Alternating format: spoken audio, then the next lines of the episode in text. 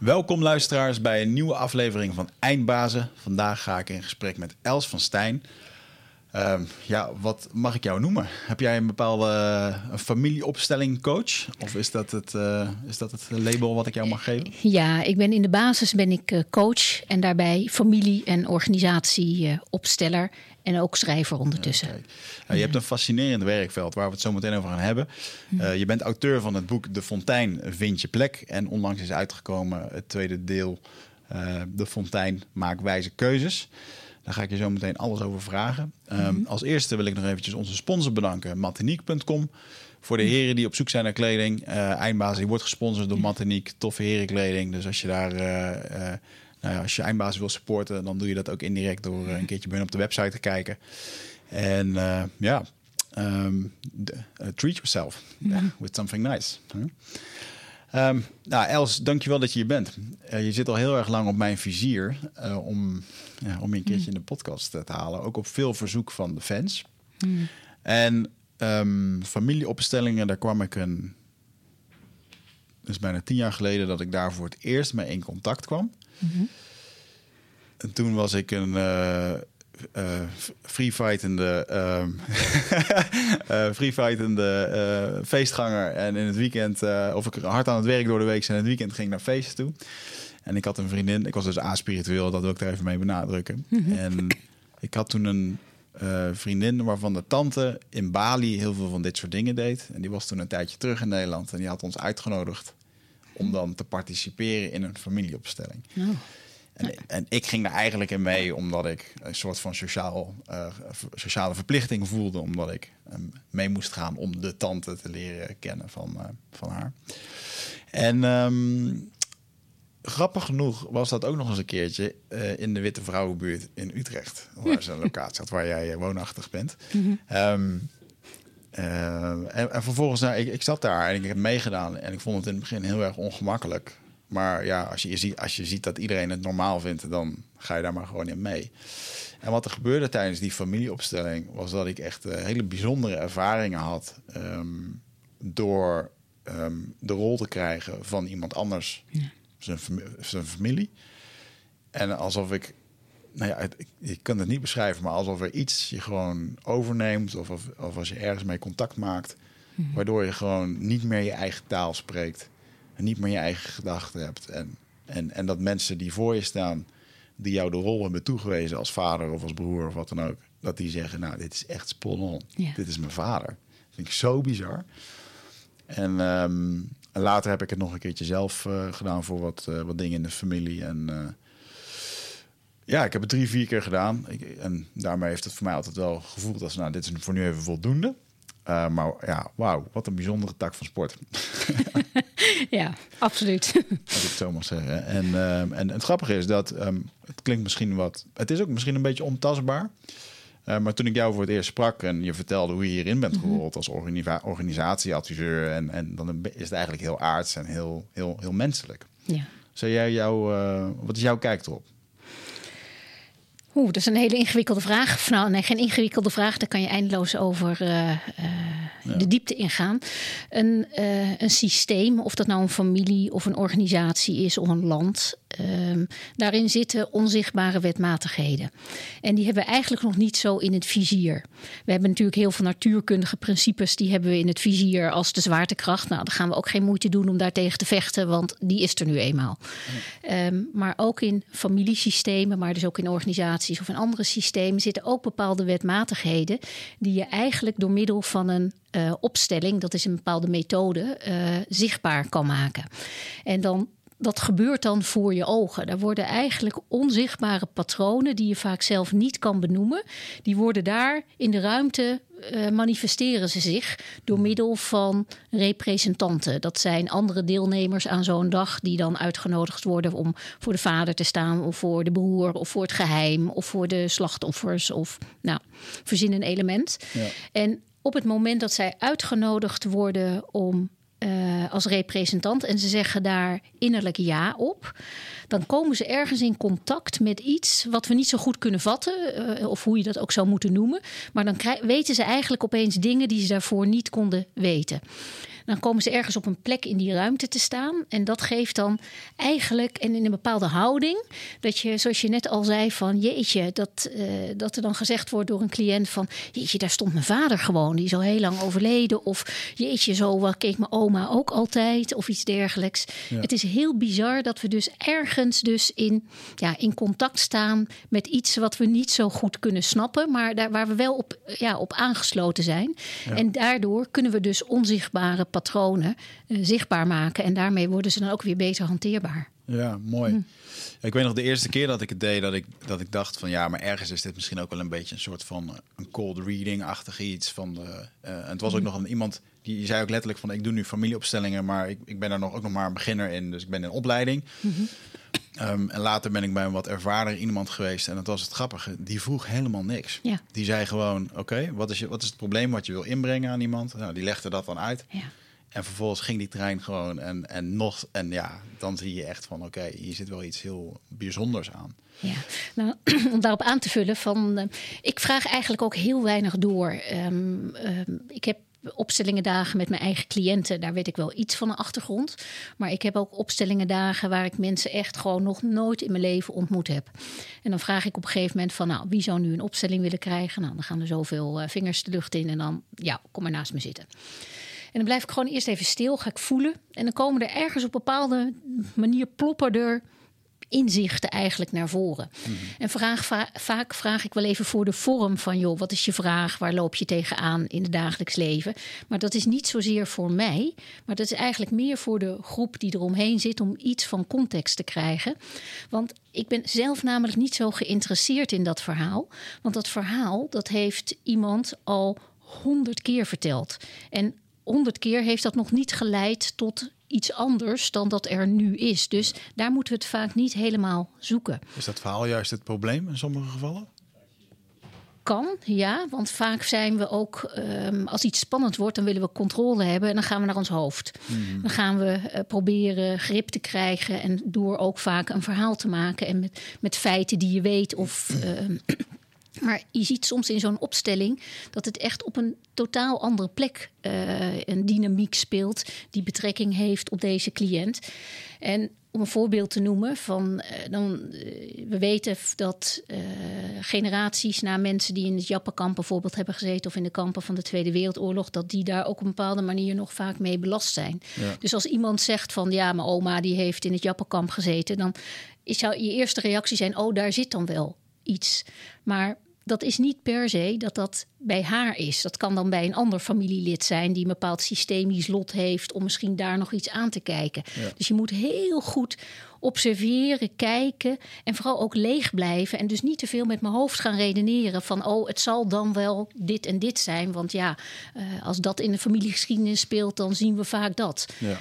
Soms is dat ook wel zo, maar soms ook totaal niet. Dus je moet heel zuiver kunnen mm. voelen. Dus daarom ben ik nooit zo geïnteresseerd in dat verhaal. En dat is niet om bot of om onaardig te zijn. Want als mens ben ik er wel in geïnteresseerd. Ja. Maar op het moment dat ik in mijn rol als opsteller zit, dan laat ik me eigenlijk leiden tot wat zich in die opstelling laat zien. Waar kijkt iemand naar? Um, kijkt hij weg? Kan die, staat hij met de rug naar iemand toe? Kijkt hij heel erg naar de grond, naar wellicht naar, naar, naar mensen die overleden zijn of iets dergelijks? Dat is eigenlijk ook het patroon wat ook in je dagelijks leven ook meespeelt. Ja, ja. En, en dus het, het familiesysteem mm. gaat verder dan dat als, als ik eventjes met een uh, soort derde oog uh, meekijk met uh, het kerstmaal, waarbij iedereen aanwezig is en waarbij je eigenlijk ziet dat pa heeft een aparte dynamiek met dochter, mm. ouders, oma's, opa's en iedereen heeft daar zijn eigen rol. Het, dat is, want dat is natuurlijk ook waar het om gaat, hè, waar iedereen um, ja, welke triggers gaan er bij wie op wat voor manier af? Uh, hoe voelt men zich ten opzichte van de ander? Maar het gaat dus ook nog een keertje generaties terug waar je zelf echt helemaal geen weet van hebt. Ja, absoluut. En dan heeft eigenlijk iemand, eh, iedereen heeft eigenlijk een systemisch lot. Eigenlijk noem ik dat ook wel gegogel uit een hoge hoed. Van daar zitten verschillende lotten, een lot zit daarin. Van nou, het ene kind die gaat wat meer voor de moeder zorgen. De andere keer gaat meer, het andere kind gaat meer voor de vader verantwoordelijkheid overnemen. De andere kind die raakt uh, onbewust geïdentificeerd op een bepaalde manier met uh, overleden kinderen waar niet om gerouwd kon worden. Dat is gewoon puur willen dus ik ben door dit werk ook wel milder geworden in mijn oordelen naar mensen toe. Soms zijn ze door zo'n systemisch veld op een bepaalde manier in dienst genomen om iets te doen voor dat familiesysteem waar ze toe, waar ze toe, bij, uh, waar ze toe behoren. Hmm. Alleen, um, ik noem dat dan, ze, ze blijven te alle tijden verantwoordelijk voor hun eigen daden ja. en hun eigen levensgeluk. Alleen soms zijn ze wel op een bepaalde manier onschuldig, omdat ze niet eens doorhebben dat ze in dat soort onzichtbare dynamieken mee zijn genomen. Ja, ja, ja. En is dat dan een, uh, is dat dan een soort van lotbestemming? Zo van dat, sta, dat stond eigenlijk al vast voor ze? Of is dat, uh, is dat een onge, ongewilde kwestie die ze tot zich hebben gekregen? Gewoon omdat het al bestond? Ja, dat is een goede vraag. Um, het is wel. Um, het, het, er kan al iets vanaf ongeveer van de geboorte bij er, erin zitten. Maar het kan ook door omstandigheden kan het erin sluipen. Mm um, of geactiveerd worden door bijvoorbeeld een traumatische gebeurtenis. Of, of ja, maar een trauma hoeft niet per se iets met een familiesysteem te maken hebben. Vaak wel, maar dat kan ook uh, een bepaalde situatie die uh, gewoon heel ingewikkeld en heel complex was. Of, of het op een verkeerde moment bij een overval aanwezig zijn. Dat is trauma. Ja. Dat wil niet per definitie zeggen dat dat voortkomt vanuit het familiesysteem. Mm -hmm. Maar misschien ook wel. Ja. Um, op het moment dat er in een uh, familiesysteem uh, het hele familie het eigenlijk helemaal niet zo goed gaat. Die hebben eigenlijk altijd uh, zware dingen meegemaakt. het, is, het is moeilijk om echt goed in het leven te staan, omdat er nou ja, ziekte, verdriet, nou, verkeer, lastige omstandigheden zijn. En jij, ehm, dan is het voor een kind vaak heel moeilijk om vol in het leven te staan. Omdat je je dan zo schuldig voelt dat het jou goed gaat. Terwijl het niet goed gaat met mensen van wie je ook zielsveel houdt en met wie je ten diepste verbonden bent. Ja. En dan kan een mens zichzelf ook bijna gaan saboteren. Om het zichzelf niet goed te laten gaan, om dat verschil niet zo groot te maken. Ah, ja. Want anders ga je je schuldig voelen uh, dat jou het goed gaat, terwijl jouw broertje bijvoorbeeld het niet zo goed meegaat. Ja. Dat is heel moeilijk om dan ja, vol in het, uh, in het leven te staan. Ja, herkenbaar. Ja. ja. Um, en als je dan kijkt naar uh, de. Ik denk dat heel, dat heel veel luisteraars. die hebben hier misschien nog nooit van gehoord. Want ik, ik vind nog dat het relatief onbekend is in Nederland. Um, maar eh, iedereen die een beetje met persoonlijk leiderschap aan de gang gaat, die komt al snel met beperkende overtuigingen en beperkte patronen of uh, saboterende patronen in aanraking. Um, en ik denk niet dat heel veel mensen erbij nadenken dat het wel eens te maken zou kunnen hebben met een verhouding met bijvoorbeeld hun vader of hun moeder. En dat eigenlijk alles wat je vanaf de geboorte, wat je jezelf hebt aangeleerd of wat er van buitenaf is gekomen, wat je tot je hebt genomen, Mhm. Dat als je 45 bent, dat je dat nog steeds aan het doen bent. Ja. En uh, zou je eens wat meer, um, wat is nou een, uh, zou je eens een aantal voorbeelden kunnen geven? Um, van dingen die volwassen mensen doen, die gewoon absoluut te maken hebben met uh, de relatie vader-moeder. Ja. Um, nou, laat ik eens even met vaders met een vader beginnen. Op het moment dat je um, eigenlijk altijd merkt dat je moeite en mot krijgt met autoriteit, wat het dan ook is. Of dat nou uh, in de familie is, of uh, je leidinggevende op je werk, of de overheid, of uh, nou, wat voor vorm van autoriteit dan ook. Mm. Um, als je daar heel veel moeite mee hebt. En dat is een structureel patroon in je leven. Want iets moet wel structureel zijn. Iedereen kan wel eens ergens even moeite met autoriteit hebben. Maar als het eigenlijk een terugkerend patroon in je leven is, mm. dan moeten we gaan kijken in het familiesysteem. En op het moment dat je met name je vader onvoldoende, ja, wat ik dan noem, boven je kan zetten in de fontein. Dus dat je hem eigenlijk helemaal kan aannemen in wie hij is met alles erop en eraan. Dat noem ik de package deal. Mm Al het mooie. Ja. al het minder mooie en alles waar je naar verlangt en nooit zult krijgen. En als je dan bij hem hebt gelaten wat van hem is en je kijkt aan wat van jou is, zowel eh, met, je, eh, met je ratio, maar ook lichamelijk op emotioneel niveau dat je dingen verwerkt hebt, dan kan je je vader boven je zetten in de fontein, zoals ik dat dan noem. Een fontein met verschillende bakken met water, opa's en oma's, jouw vader en moeder. Jij staat hier in jouw bak. Jouw kinderen staan weer daaronder, uh, nou, et cetera. Ja. Dus met je vader boven je zetten bedoel ik dus dat jij in de bak van de fontein onder je vader staat, want dat is jouw plek.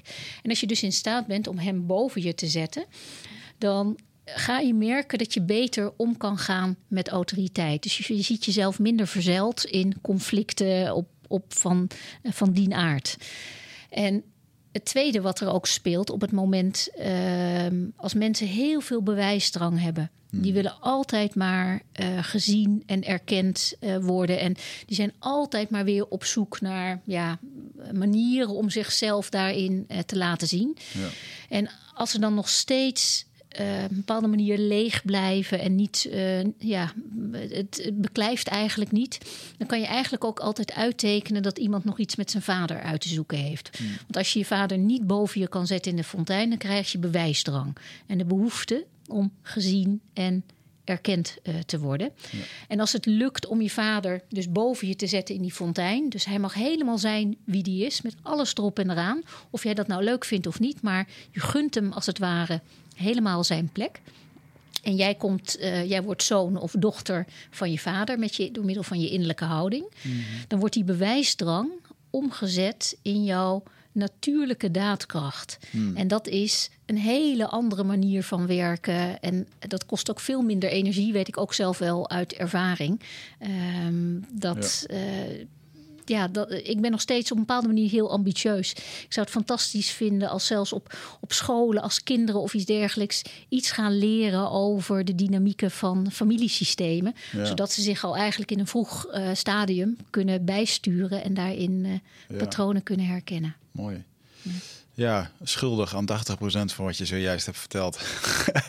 Tenminste, herken en ook herkenning in ieder geval. Ja. En, ehm, ehm, en- en het, ehm, de moederkant, want Ja. dat is de, de zorgzame en de liefdevolle kant. Dat heeft de vader natuurlijk ook. Niet per maar- definitie, maar Ja. dat, eh, het bijzondere is dat op het moment dat jij je moeder goed boven je kan zetten in de fontein, dan krijg je het vermogen om je ten diepste met een ander te verbinden. Dus hoe jij in een relatie zit, bepaalt wordt ook eigenlijk bepaald hoe jij je ten diepste met je moeder hebt verbonden. En het maakt niet uit wat je moeder wel of niet heeft gedaan, of ze leeft of niet, of iets dergelijks. Maar het gaat om jouw innerlijke houding. Ja. Want je ziet achter je partner, eh, zie je eigenlijk altijd eh, je moeder. Stel nu dat jij mijn partner bent. Eh, ik ben getrouwd met Robert. En als ik naar Robert kijk, dan zie ik eigenlijk in Robert, of eigenlijk ja, achter hem, dat is makkelijker om voor te stellen, daar staat mijn biologische moeder. Ja, Hoe ik met haar verbonden ben, bepaalt mijn maximale vermogen hoe ik me met hem kan verbinden. En als, eh, nou, jij bent even Robert, mijn echtgenoot. Eh, nou, ik ben eh, Els. Wie staat er dus hier? Achter mij, als hij Ja. naar mij kijkt. ja ik, ik weet het, omdat je Ja. mij vertelt, maar mijn Ja. moeder, ja. Ja, precies. Daar staat dus altijd de moeder van, eh, van de partner. Ja. En dat geldt voor mannen, vrouwen, homoseksuele relaties, lesbische relaties. Dus hoe jij je verbonden hebt met je moeder heeft heel veel invloed op je relaties. Wat overigens niet wil zeggen dat als dat een moeizame relatie is, dat je geen warme en liefdevolle relaties kan hebben. Want een relatie is ook een constante uitwisseling van geven en ontvangen. Ja. Dus dat kan ook een hele veilige, warme, eh, aantrekkelijke, spannende eh, relatie eh, kan dat zijn. Ja. Maar of je echt kan verbinden met je moeder, heeft gevolgen ook voor het type mens wat je ook aantrekt in, in een relatie. Ah, ja. En daarom is zijn moeders verschrikkelijk belangrijk. Want als jij, eh, niet dat vaders niet belangrijk zijn, begrijp me goed. maar het leven wordt ja, gewoon eh, warmer, soepeler, liefdevoller. Mhm. Als je steeds beter in staat bent om je moeder eh, aan te nemen. Ja. Ik, heb dit, ik was namelijk heel erg verbaasd dat dit zo was. Want toen ik, jij mij de eerste keer dit vroeg, toen ik bij jou Ja. was, toen, Ja. toen dacht ik van ja, dan naar wie kijk ik? De, of tenminste, ik was in ieder geval van mening dat, ehm, dat het niet altijd de moeder was. Uh, kom even niet uit mijn woorden wat, het, wat ik dan wel bedoelde. Ehm, want normaal is het makkelijker om te denken dat, je, uh, dat iemand een partner gaat zoeken die lijkt uh, op de tegenpol. Dus ik zou bijvoorbeeld iemand zoeken die op mijn moeder lijkt. Mm -hmm. En jij zou iemand zoeken die op mijn vader lijkt. Dus ik heb dit met een paar mensen besproken. Um, en die kwamen dan met dit psychologisch wetenschap of onderzoek of wat dan ook. Is dat ook zo? Heeft dat verband met elkaar? Of haal ik nu gewoon, of is het gewoon echt niet zo? Is dat niet gegrond? Um, dat mensen ik durf daar niet een, uh, iets eenduidigs helemaal over te zeggen. Want een relatie heeft met heel veel dingen te maken. Van ja, als je verliefd bent, is de wereld natuurlijk helemaal lekker roos, kleur, uh, roze en gezellig en leuk. En ja. hoe je uh, je waarden waar je mee in het leven staat, als je die heel erg deelt, dan kan je dus wel een hele mooie uitwisseling van het geven en ontvangen hebben. Maar dat wil niet zeggen dat je je ten diepste kan verbinden. Uh, verbinden. met een ander. En ja. dat merk je eigenlijk dat in een relatie, als de ene zich beter kan verbinden dan de ander, dan klaagt de ene tussen aanhalingstekens over de ander van goh, ik kan je als het erop aankomt, kan ik je niet echt bereiken. En dan ben je niet bereid om van mij te ontvangen. Ja. Terwijl die ander, die zich minder goed kan verbinden, die heeft het gevoel van ja, maar ik moet, er wordt te veel van me gevraagd en verlangt wat ik niet kan. Ik wil nu weg, ik moet nu naar buiten. Ik, ik wil me niet en ik kan me niet openen. Ja. En tuurlijk, dus kunnen misschien ook nog bepaalde issues met je vader en dergelijke mee uh, zitten. Dat is absoluut waar. Maar de basis blijft toch uh, de moeder de die hier ja. erbij zit. Ja, mooi. Ja. En dat vind ik wel heel mooi, want eigenlijk vanaf ons eerste mailcontact en eigenlijk ieder gesprek komt dit terug. Dan, en ook in de podcast die ik van jou heb zitten luisteren, daar komt het woord waardes terug, jouw waarden. Ja. En um, Um, waar, want ja, je, je, hebt het er heel vaak over. Dus mm -hmm. waarom zijn uh, jouw kernwaardes zo ontzettend belangrijk voor jou? Wat, wat, wat, hebben die voor functie in, dit, in jouw... Ja. ja, nou eigenlijk ben ik pas... Um, ik ga ervan uit, en daar verschillen de theorieën over... dat je ieder mens kan terugbrengen tot zeven kernwaardes. Er zijn verschillende theorieën. De ene zegt die drie, de ander uh, zegt er tien. Maar ik kom eigenlijk uit op zeven waardes. Omdat als ik dan vraag naar mensen, uh, naar verhalen waarin ze helemaal in hun kracht staan, dan kom ik eigenlijk altijd uit op zeven waardes. En als ze een heel flauw aftreksel van zichzelf zijn, dan worden al die zeven waardes overschreden. En dan kom ik bij een consistent verhaal. Hmm. Nou, je komt pas bij die waardes als je eigenlijk echt goed op jouw plek in die fontein staat, zoals ik dat dan noem. Want anders word je nog meegenomen door die onzichtbare wetmatigheden. Dat als je je vader bijvoorbeeld niet goed boven je kan uh, zetten, dan, uh, dan krijg je behoefte aan erkenning, waardering. Dan wordt dat misschien wel je waarde. Maar de vraag is, als jij eenmaal goed op jouw plek staat, of je dat nog wel echt zo belangrijk vindt. Of op het moment dat uh, je je moeder uh, afwijst, uh, dan heb je misschien helemaal niks met verbinding. Terwijl op het moment dat je je moeder innerlijk boven je kan zetten en ze kan mensen vermoord hebben en ze kan de meest akelige dingen gedaan hebben waarvan je zegt: Ik blijf liever bij je uit de buurt. Mm-hmm. Maar dan nog kan je haar in de package deal aannemen. Ja. Uh, dan, kan je, dan krijg je alsnog je vermogen om je ten diepste te verbinden. Mm. Dus dan wordt misschien verbinden een waarde van je, terwijl die daarvoor helemaal niet belangrijk was. Dus eigenlijk, als je afdaalt naar jouw plek, kan je dichter bij je waarde komen. Want dan ben je vrijer om je eigen leven te leiden. Ja. En nu ik uh, daar tegenwoordig uh, goed, uh, redelijk stabiel sta. Um, kan ik dus ook veel makkelijker mijn zeven waardes ten eerste vinden, welke het zijn, maar ook leven, omdat ik minder meegenomen word in die onzichtbare dynamieken waar ik eerst last van had. Ja. En die zeven waardes die bepalen gewoon eigenlijk of ik volgens mij aan het eind van het jaar, van het eind van mijn leven, een, een blij en tevreden mens ben. En dat ik het gevoel heb van heb ik mijn leven geleid. Ja. Want er zijn heel veel uh, levens die je kan leiden.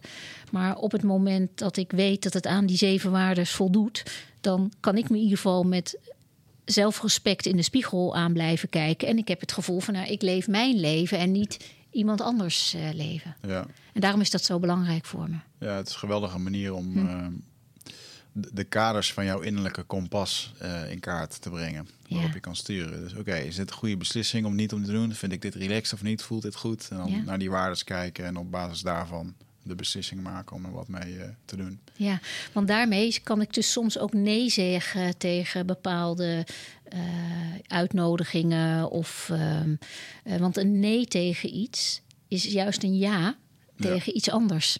En dan kan ik daar echt vol aanwezig zijn in, ja, in wie ik ben en waar ik ook wil zijn. En, dat, en ehm, dan is het jou vast ook niet onbekend dat heel veel mensen die bij jou komen eigenlijk niet zo goed weten wat hun waarden zijn. Mhm. En ehm, dus dat is eigenlijk een eerste uitnodiging voor mensen om dat eens voor zichzelf uit te gaan uh, werken. Ja. Ik, ik heb toevallig ehm, ben ik net, eh, we hadden het net over online cursussen. Ik heb dit in een onderdeel van een cursus van mij om je kernwaarden uit te zoeken. Mhm. Ehm, en er zitten als voorbeeld bij, zitten daar drie A4'tjes bij van uh, met allemaal waarden. En dat zijn vier, vijf kolommen met allemaal kernwaarden. Er zijn er echt tientallen. Ja. En dan mag je er dan een paar uit, uh, ja, een paar eruit strepen. Um, maar als je daar dus gewoon geen weet van hebt, dan, ehm, dan blijft het ook een soort van zweven, onbekend. Ja. Wat zijn jouw kernwaarden? Um, de eerste is vrijheid. Hmm. Um, de tweede is integriteit. De derde is, nou die heb ik maar even geschakeld onder de noemer erkenning, waardering, vriendschap, liefde. Van sommige mensen wil ik uh, waardering, van sommige mensen wil ik uh, liefde, van andere mensen wil ik vriendschap. Maar dat vind ik wel, dus dat heeft ergens te maken met iets, uh, ja, ja. iets warms en verbindends. Mm -hmm. Dus dat is de derde waarde. De vierde waarde is kwaliteit. Ehm, ik vind het heel belangrijk dat wat ik doe en wat andere mensen doen, dat dat op een hoog niveau is. En uh, gewoon qua vakkennis, maar ook qua uh, in contact, in verbinding met anderen staan. Maar ook gewoon met uh, goede materialen. Iets, een, ik, nou, je weet, ik heb thuis een hele mooie bespreektafel waar ik, ja. nou, daar word ik heel blij van. een hele mooie kwaliteit. En die is bovendien ook mooi. Ik heb, heel iets, ik heb echt iets met esthetiek. Ja. Ik word gewoon heel blij van iets moois. En zoals deze ketting, die heb ik uh, gekregen van mijn echtgenoot. En uh, dit is ook uh, het symbool wat ik heb laten maken samen met een hele goede ontwerpster, Brechtje Baars. Die symbool staat voor de fontein. En ja. die ook voor op mijn boeken staat. Maar die vind ik gewoon mooi. Daar word ik gewoon heel blij van. Alleen daarnaar kijken word ik heel gelukkig van. Ja, dat kan je heel oppervlakkig vinden. Maar ik weet van mezelf dat ik er heel gelukkig van word. En omdat ik weet dat dat mijn waarde is. Als mensen dan zeggen van nou, dat is om. Dat, dat is oppervlakkig dat je dat soort dingen wordt heel erg waardeert. Ja, dan denken ze dat maar rekker. Ik, het is mijn leven. Ik, vind, ik word daar blij van. Ja, mooi. Je gaat er ook van stralen. Ja, dus. zeker. ja. Dus de vijfde waarde is esthetiek. De zesde is groei. Hmm. Ik wil als mens eigenlijk altijd groeien. En het maakt me niet zozeer uit op welk vlak. Um, hiërarchie en, uh, en status, dat vind ik allemaal niet zo boeiend. Maar ik vind wel mezelf als mens kunnen ontwikkelen, vind ik heel erg belangrijk. Van, we kunnen zelf, uh, mijn man en ik, geen kinderen krijgen. En uh, gelukkig zijn we daar samen heel goed uitgekomen. Um, maar daardoor heb ik de kans om andere dingen van mezelf te ontwikkelen. Ja. En had ik wel moeder kunnen worden. Nou, dan had ik mezelf daar ook weer ontwikkeld. Maar dat is groei. Dus ik ja. wil gewoon het eigenlijk steeds een, een mooiere versie van mezelf worden. Dus dat is voor mij groei. En dat zie ik dus ook heel graag bij andere mensen. Mooi. En mijn zevende waarde is uh, avontuur. Um, ik ben absoluut niet van de adrenaline-seeking. Uh, dat vind ik helemaal niks. Maar uh, naar Antarctica gaan, waar we geweest zijn. tochten in Patagonië met de rugzak lopen. Um, maar ook een boek schrijven. Ja. Uh, dat is voor mij avontuur. En voor heel veel mensen extreem. Ja, en dat is voor mij ja. dus dan weer niet extreem. Mooi. Maar ik ga echt niet bungee jumpen of uh, dat soort, okay. dat ja, soort dingen. Dat, echt, dat ga ik echt niet doen. Het hoeft niet per se adrenaline op te leveren. Nee, precies. Ja. Ja. Hm. En wat zijn jouw waarden? Nou, de allerbelangrijkste en waar ik uh, afgelopen jaren echt gruwelijk veel mee aan het worstelen ben, is uh, ook vrijheid. Staat ja. zeker op nummer één. Ja. En um, dat is grappig hoe dat het afgelopen jaar bij me terug is gekomen.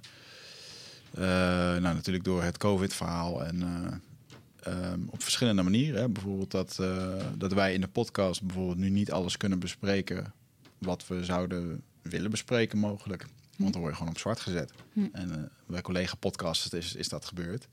Ja. En uh, of het dan waar is of niet, of maar gewoon ook wetenschappers en zo. En uh, nou, vind ik niet oké. Okay. Dus bij mij, uh, daar heb ik afgelopen jaar, of afgelopen jaar heb ik daar wel een worsteling mee. Mm -hmm.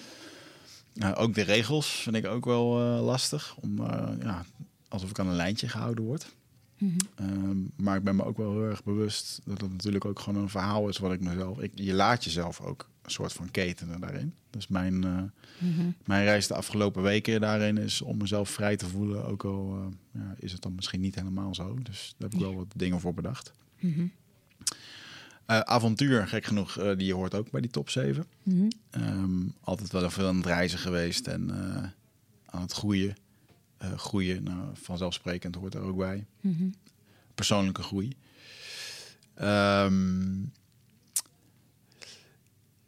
ik heb zo ooit opgeschreven uh, dat voor ons gezin de kernwaarde. En ik vind dat een hele belangrijke. En die moet ik mezelf nog wel eens aan herinneren. Maar is om iedere dag te zingen. En, um, maar is dat een behoefte of is dat een waarde? Nou, dat vind ik wel. En dat voor mij is dat een soort van uh, viering van, uh, van de dag. Hm. Um, en dat komt een beetje terug van toen ik bij die Indiaanstam was. En dat je ochtends wakker werd om zes uur en de vogels floten. En mhm. dan, uh, dan begon men gewoon lekker de dag met vrouw die aan het koken was. Kinderen die een beetje wakker werden. En pa die gewoon lekker zijn gitaar pakte en gewoon de dag verwelkomde. Mm. En uh, ik heb dat toevallig in een, uh, een ayahuasca ceremonie toen Lea, net voordat Lea geboren werd, heb ik dat heel sterk uh, tot me gekregen. Van ja, dit is gewoon voor het gezin is dit gewoon ontzettend belangrijk. Dat er iedere dag gezongen mag worden. Hm. En uh, ik heb nog wel eens een valkuil dat ik in de serieusheid kan, in de serieusheid van het leven kan vallen, -hmm. van mijn eigen gedachten. -hmm. waardoor het ook allemaal wat zwaarder en wat somberder wordt. En dan, ja, dan vergeet je eigenlijk gewoon dat je gewoon plezier mag maken. Ja. En ehm, en dat zie ik, als mag ik daar iets op zeggen? Ja, zeker, ja. Um, dat je plezier mag maken. In, in opstellingen zie ik ook heel regelmatig dat er uh, uh, nou, een broer, zusje overleden zijn... of een, uh, een handicap hebben of een psychische stoornis of iets dergelijks... of een familielid die iets zwaar heeft of in een gevangenis zit... of aan het vechten is tegen kanker. nou, verzin even het scenario. Ja. En eigenlijk zie ik altijd dat ze niets liever willen dan dat het goed gaat met de volgende generaties. Mhm. Ouders die willen, en überhaupt ook opa's en oma's en dergelijke, die willen niks liever dat het leven goed wordt doorge uh, doorgegeven. Ja. En als er een uh, en als mensen zich somber maken of klein houden of dat leven niet vol pakken, uh, dan is er eigenlijk misschien wel nog een slachtoffer gevallen, wat helemaal niet nodig is. Ja. En zo'n systeem dat ik dan beschrijf aan de hand van zo'n fontein, wordt er eigenlijk alleen maar steviger door als mensen vol hun plek in kunnen nemen. En dat lukt. En vanuit die eigen plek innemen kan je ook het leven eigenlijk steeds meer vieren en echt volledig ontvangen ja. uh, wat er uh, voor je is. Ja, ja, dus mooi. dat is echt wel Um, dat zie ik dus altijd in opstelling in die representanten, die dan bijvoorbeeld daar als uh, uh, overleden uh, broertje bij een ongeluk of, een, of, of, mensen die het in de oorlog verraden zijn en daardoor het leven hebben moeten laten, gelaten, dat die dan eigenlijk naar de volgende generaties allemaal kijken van het gaat ons hier goed, dit is ons lot. Wij ja. horen bij de doden, jij bij de levenden. Hmm. En dan laat ik meestal ook nog een zin uitspreken van je eert ons het meest als je iets maakt van je leven. Ja. En dan zie je eigenlijk dat er enorme energie in zo'n systeem komt. Hmm. Ja, mooi, mooi. Ja. Uh, en een andere, dat is eentje die, um, die is echt wel geïntroduceerd door mijn uh, lieve vriendin Marieke. Uh, mm -hmm. Die eerlijkheid heel erg hoog heeft als, als waarde. Mm -hmm. En um, eigenlijk, dat is wel de reis geweest ook van de afgelopen jaren. Dat hoe zij dat voelt en ziet. Uh, daar hebben we in onze relatie, ben ik daar heel veel mee gespiegeld. Met uh, dat als daar dus aan wordt gekomen aan die waarden. En ik ben niet eerlijk geweest mm -hmm. uh, op een bepaalde manier. Dan, dan ontplofte dat nog wel eens in de relatie. En ben, daardoor ben ik er ook eigenlijk achter gekomen dat ik. dat het begint met liegen naar jezelf. En uh, ik ben er dus ook achter gekomen. Ik heb van mijn therapeut wel eens de, de op, opdracht gekregen om uh, de leugens die ik mezelf vertel in mijn gedachten of over mezelf, om die gewoon uh, bij te houden en op te schrijven. Mm -hmm. En het is eigenlijk toch wel schrikbarend over hoe erg dat ik om bepaalde beloningen te krijgen of om bepaalde dingen te ontwijken, dat je toch gewoon dingetjes tegen jezelf vertelt die gewoon niet zo zijn. Mm um, dus um, gelukkig mogen kernwaarden ook wel gewoon uh, veranderen met de, in de periode waar je in zit, denk ik. Tenminste, ben je dat met me eens of is dat, is dat niet per se zo? Voor mij is dit in ieder geval een. een ik zie eigenlijk dat, uh, dat kernwaarden eh, die zo richting je dertigste zijn, die over het algemeen wel redelijk uh, definitief bepaald. Ja. Alleen onder levensveranderende omstandigheden verandert, verandert er iets. En een levensveranderende omstandigheid in de positieve zin is een kind krijgen. Oh ja. In de negatieve zin is het dat je ehm, nou, misschien uh, gehandicapt raakt of een, uh, in een oorlog verzeild raakt of iets dergelijks. waardoor je dusdanig, nou, ik noem het maar even, echt geschud bent, waardoor er echt nog iets verandert. Ja. Maar vaak zaad, zitten die waarden er al wel, maar je hebt het niet zo door. En de vraag is of eerlijkheid echt jouw waarde is. Ehm, ik denk eer, misschien is het meer de waarde van Marieke, maar dat wil niet zeggen dat jij hem niet kan leveren voor, voor haar. Maar dat het bij jou eigenlijk helpt om je waarde, persoonlijke ontwikkeling. Uh, om daar beter bij te komen. Ja, Want uh, jij bent ook een package deal. Ik ook. Iedereen met mooie dingen, mooie kanten, met prachtige talenten. Nou, heel fijn om hier te zijn. En ook omdat, je, omdat jij jij bent. Dus je hebt heel veel mooie kanten. Je hebt ook een aantal minder mooie kanten. Ja. En je hebt ook een aantal dingen die je niet kan leveren. En die kunnen zien. Nu, nu ik erover na zit te mm. denken, is ik heb uh, vroeger echt wel een periode gehad dat ik uh, um, ontzettend veel loog. Ook tegen mijn ouders of tegen mijn moeder en dus mijn stiefvader. En, en alles gewoon om aandacht te krijgen. Ja. Want die aandacht was er niet, want dat ging allemaal naar mijn broer die mentale uitdagingen had. En, en met Wigert ging het altijd goed. Dus, uh, En ik uh, ook op school. En uh, dat, dat begon, ja, op een gegeven moment werd dat zo giftig voor mijzelf. dat ik op een gegeven moment heel rigoureus heb besloten: van oké. Okay, want ik, natuurlijk, op het moment dat je heel veel liegt, dan loop je op een gegeven moment overal tegen de muur aan en zit je gewoon vast in je eigen web. Op een gegeven moment heb ik ook echt heel rigoureus besloten om dat niet meer te doen. En um, toen ben ik ook heel erg uh, overeerlijk geworden soms, of te, te direct. En dus ergens, uh, ja, ik weet niet, e-, eerlijkheid doet in mij wel wat. Maar en misschien dat het nu dan de laatste jaren wel weer eens omhoog kan komen. Uh, ja, dat ik dus gewoon niet eerlijk ben naar mezelf. Dat ik daarom weer over mijn eigen grens heen ga. Of... Ja, de vraag is of dit oneerlijkheid is of dat het ook gewoon uh, onbewustheid is. Dat je mhm. gewoon bepaalde dingen uh, niet door hebt. Ehm, ook in zo'n familiesysteem zitten allerlei dynamieken waar je niet eens door hebt dat je in mee wordt genomen.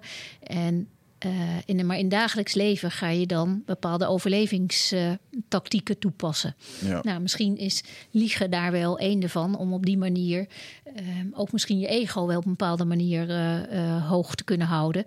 Ehm, want dat heb je meer nodig naarmate je zelf minder uh, je ouders hebt kunnen aannemen in de package deal, zoals ik het dan neem. Ja. Want pas als zij mogen zijn wie zij zijn, mm. kan jij worden wie jij bent. Dus pas op het moment dat je ouders uh, dat, dat, ze, dat, ze, dat het voor jou helemaal oké is. En dan niet alleen maar uh, met je hoofd, maar ook met je lichamelijke reactiepatroon erop. Dat zij helemaal mogen zijn wie ze zijn. En mm. uiteraard mag je feedback geven en grenzen stellen op het moment dat het, uh, ja. ja. als ze raar gaan doen.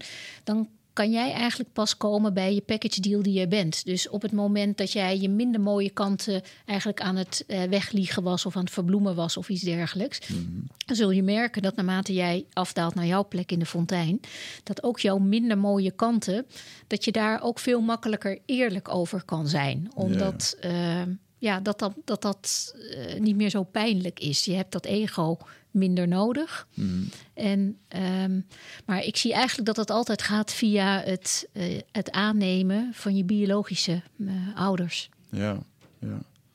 En je noemt daar wat moois. Um,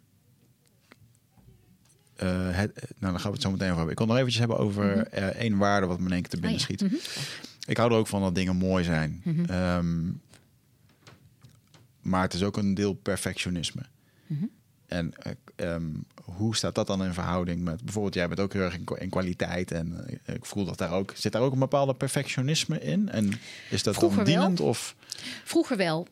Um, het is uh, dienend geweest en totaal niet dienend. Want daardoor nam ik geen genoegen met uh, slechte resultaten. Dus daardoor heb ik mezelf heel erg kunnen ontwikkelen. Ja. Maar dat is, heeft ook een prijs die je betaalt. Van ja. uh, dat je moe bent, uitgeput bent, eigenlijk nooit tevreden bent. het goede eigenlijk ook dan niet kan liefste. Omdat je dan toch nog altijd weer ziet van nou, dat klopte dan toch weer net niet. Ja. En dat perfectionisme, dat ehm, zit nu bij mij met name in, in mijn waarde. Gewoon dat ik wil gewoon heel graag kwaliteit leveren. En ik vind het ook fijn als iets esthetisch, mooi, vloeiend en, eh, en, Ja. en, en goed loopt. Ehm, maar dat perfectionisme, dat is bij mij toch ook een stuk afgegaan. Naarmate ik eigenlijk ook mijn beide ouders volledig kon gaan aannemen in wie ze zijn. Ja. En daardoor kon ik ook bij mezelf beter ook dealen met de dingen die ik niet kan leveren. Ik kon vroeger, toen ik eh, lezingen gaf, echt eh, heel lang geleden, kon ik als ik een vraag kreeg die ik niet kon beantwoorden, dan ging ik eromheen lullen. Dan ging ik wel eh, best iets interessants vertellen, maar ik gaf geen antwoord op de vraag. ja. Tegenwoordig kan ik gewoon voor een grote groep van honderden mensen... eh, kan ik rustig uiterlijk toegeven van... ik weet het niet. Ik heb er oprecht geen antwoord op. Ja. En dan voel ik me niet meer klein of ongemakkelijk worden... of dat ik mezelf op mijn kop ga slaan van... eh goh, dat had je moeten weten en wat stom ben je nou dat je dat niet weet. En zie je Ja, ja, wel, ja. nou ja. Dus dat, dat, dat laten, heb ik daarmee een stuk los kunnen laten... doordat ik eigenlijk nu... ehm, ja, mijn, ik ben 50% mijn biologische vader en 50% mijn biologische moeder. En doordat zij mogen zijn wie zij zijn, Ja. kan ik zijn wie ik ben. En ehm, ik, ik wil absoluut altijd mijn uiterste best doen. Maar helemaal perfect eh, ja, krijg ik toch meestal niet. Maar ik blijf, ik blijf wel mijn stinkende best daarvoor voor Ja. eh, voor doen. Ja, mooi. Maar ik kan het wel iets makkelijker loslaten tegenwoordig. Ja, ja mooi. En je noemde het, eh, het, het ego en het, een, je noemde het net het ego. Maar heeft het ego heeft natuurlijk, het bepaalt onze kaders waarmee we hier kunnen navigeren in deze 3D-wereld. Mhm. Ehm, heeft het ego dan ook een functie in de, ehm, ja, in, in de plek van familieopstellingen? Of mag je dat loszien van elkaar? Nou, het, ja, nee, het zit uiteraard volledig in elkaars verlengde. Op het moment dat jij onvoldoende goed op jouw plek in die fontein staat, dan eh, wordt over het algemeen heb je meer een ego nodig om jezelf te manifesteren. Ja, En dat kan zich uiten in jezelf helemaal groot maken en, eh, en jezelf opblazen. Dan heb je eigenlijk een, een, een te groot ego. Maar het kan ook in een onderdanige vorm zijn, dus van bijna een te klein ego. Dat je heel hard voor anderen gaat zorgen en dan eigenlijk stiekem hoopt dat de ander het dan maar terug gaat doen. Om ook te voorzien te worden in de tekorten die iemand gevoeld heeft. Alleen het ziet er heel anders uit. Maar eigenlijk hebben ze beide, eh, zijn ze manipu- manipulatief door hun ego. En ik, op het moment dat je steviger of redelijk stabiel op jouw plek in die fontein staat, heb je nog steeds een ego nodig om gewoon als voertuigje in deze maatschappij eh, te begeven. Je moet Ja. ergens ja, jezelf neerzetten en eh, om, ja, om in het dagelijks leven te, eh, te staan. ja. Eh, dus daarom is het gewoon wel heel nodig. Maar het is wel heel belangrijk om te realiseren van als iemand dan, eh, als je, als je bijvoorbeeld behoefte aan erkenning eh, hebt, van waar, waar ligt dat dan aan? Is mijn ego dat? Maar misschien komt dat wel voort vanuit het feit dat je bijvoorbeeld je vader onvoldoende eh, aan hebt genomen. Ja. Nou, op het moment dat je daar weer mee aan de slag gaat, dan zul je ook merken dat je ego ook veel meer minder plek eh, nodig heeft. En dat je daarmee ook weer veel meer plek ook aan anderen kan geven. Ja, dus eigenlijk, als je veel gevecht bent, eh, als je veel in gevecht bent met je ego, Ja, dan kan een familieopstelling daar een hele verzachting in, in absoluut. brengen. Ja, zeker. Ja. En we, we spreken nu vooral over onze relatie met onze ouders. Ehm, maar kan het ook omgekeerd? Want ik verbaas me nog wel eens over. Eén ding is me altijd bijgebleven dat ik een keertje iemand in een retreat had. En dan eh, heb ik een oefening waarbij ze de vijf mensen waarmee ze het meest tijd mee spenderen, die mogen ze een bepaalde waardering geven op allerlei vlakken. Mhm, En dat die man echt eh, binnen een paar minuten echt ehm in huilen uitbrak. En dat hij zei van ja, ik geef mijn dochter gewoon een drie. En eh, dat kwam zo geef binnen. mijn dochter zo- Een drie. En dat was uiteindelijk gewoon een gemiddeld cijfer wat eruit kwam. Gewoon in de band die hij daarmee had. Ja. Dus de, eh, als vader zijn heb je dan, ja, dan heb je natuurlijk ook gewoon een. eh, je hebt daar ook gewoon je rol in. Maar Mhm. dan ben ik in één keer heel erg benieuwd. Het werkt natuurlijk ook vice versa van ouders naar kinderen toe. En zou het ook zo kunnen zijn dat kinderen bepaald gedrag vertonen? ehm, omdat jij iets niet hebt opgelost in de familie? eh, Volledig. ja? Dat is eigenlijk een van de essenties van familiesystemen. En dat is eigenlijk ook mijn missie waar ik ondertussen mee in het leven sta. Van ehm, kinderen dragen alles wat onopgelost is in de voorgaande generaties. En dat, dat lot en dat wordt dan willekeurig verdeeld onder verschillende eh, kinderen die eh, lager in, in de fontein staan in andere bakken. Ehm, om het eh, op een andere manier toe te gaan lichten. Van, ehm, als dit de bak van de ouder is en dit is jouw bak.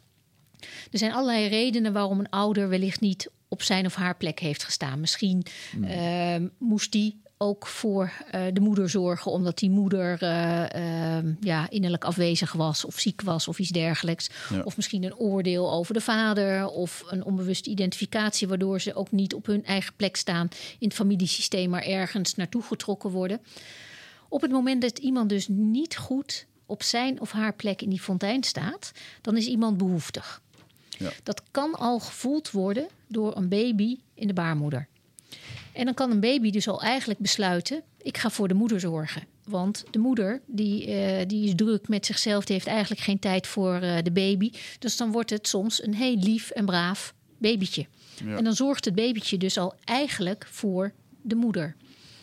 En ik heb een keer een heel mooi iets meegemaakt. En ik heb dat ook in mijn tweede boek heb ik dat eh, beschreven.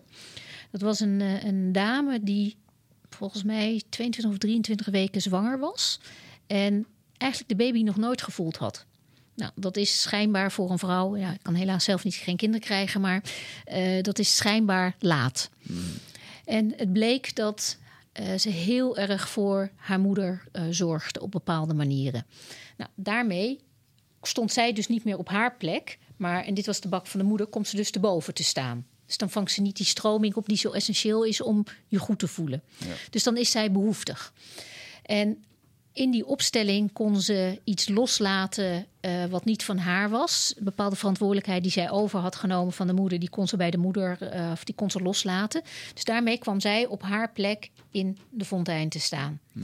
En drie minuten later meldde die baby zich voor het eerst. Die begon opeens te trappelen in de buik en dergelijke allemaal. Die voelde dus, die moeder, die is nu, eh, die is nu beschikbaar. Dus nu kan ik mij melden. Nu kan ik mijn leven gaan leiden. Mooi. Terwijl anders houdt een kind zich in.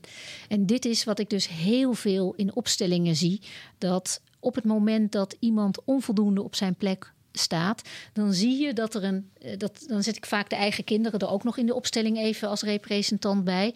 Dan zie je eigenlijk altijd dat een, eh, een kind zegt van nee, ik ga echt mijn eigen leven niet leiden, want ik moet mama in de gaten houden of ik moet papa in de gaten houden.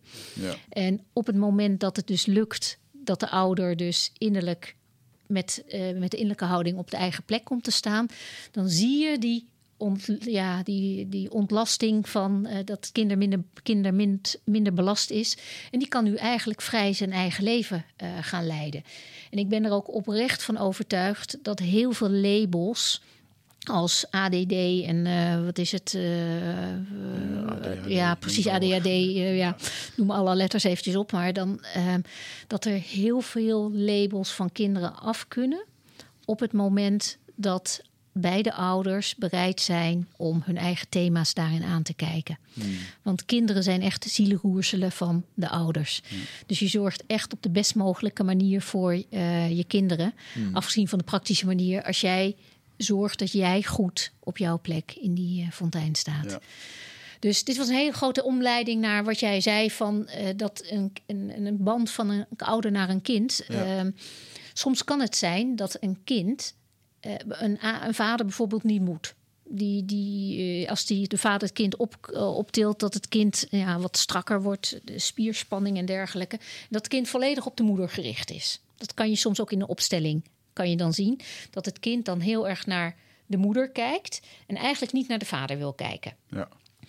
Wat dan soms gebeurt, is dat, dat het kind het systemische lot getrokken heeft van ik zorg voor de moeder. Op een bepaalde manier is die moeder dan behoeftig, dus die heeft niet goed zelf in de fontein gestaan.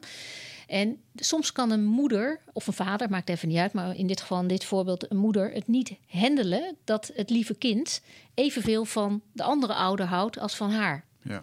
Dus dan in het zorgen voor de moeder kan het kind soms ook de vader afwijzen. En dan is de vader eigenlijk kansloos. Al is dat de, de, de meest leuke, uh, super uh, gemotiveerde vader, die kan zijn kind niet bereiken, omdat het kind systemisch belast is met ik zorg voor de moeder en daarin moet ik eigenlijk mijn vader afwijzen. Mm. En op het moment dat het uh, kind dan lukt om, zich, om het los te laten wat niet van hem is. Want hij kan niet oplossen die, dat tekort bij de moeder. Dat moet die, want dat is opgelopen ergens daarboven in de, in de generaties.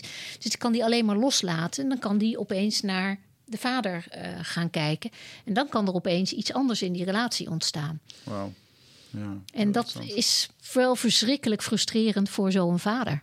Ja.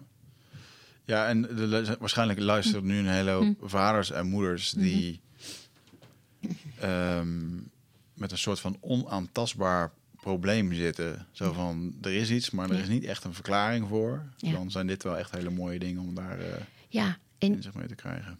En je mag als ouder, mag je altijd een opstelling doen voor je kind.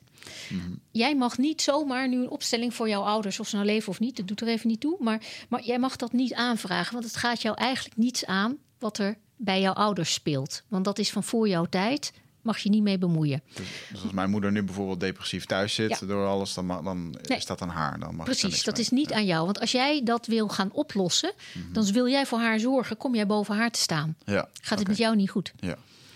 Maar jij mag wel, stel dat uh, Lea om een of andere reden het niet lekker of niet goed gaat en het wordt structureel. Hmm. Nou, kom dan alsjeblieft langs, uh, stel dat dat er is. Want dan mag jij als vader en, uh, nou, lief, en dan moeder ook nog erbij, mag je een opstelling voor je kind aanvragen om te kijken hoe dat kind in de diepte belast is. Hmm. En dan kunnen we dus kijken waar we het moeten zoeken. Ehm, misschien is het, is het een trauma. Misschien uh, wat we dus niet per se systemisch op hoeven te lossen. Misschien is het inderdaad dat het volledig voor de moeder zorgt en bijvoorbeeld niet naar jou kan. Ik noem maar even een, wat ik net vertelde. Hmm. Maar het kan bijvoorbeeld ook een onbewuste identificatie zijn. En een onbewuste identificatie die, kunnen de, uh, die, uh, die worden meestal in het reguliere circuit uh, niet altijd onderkend.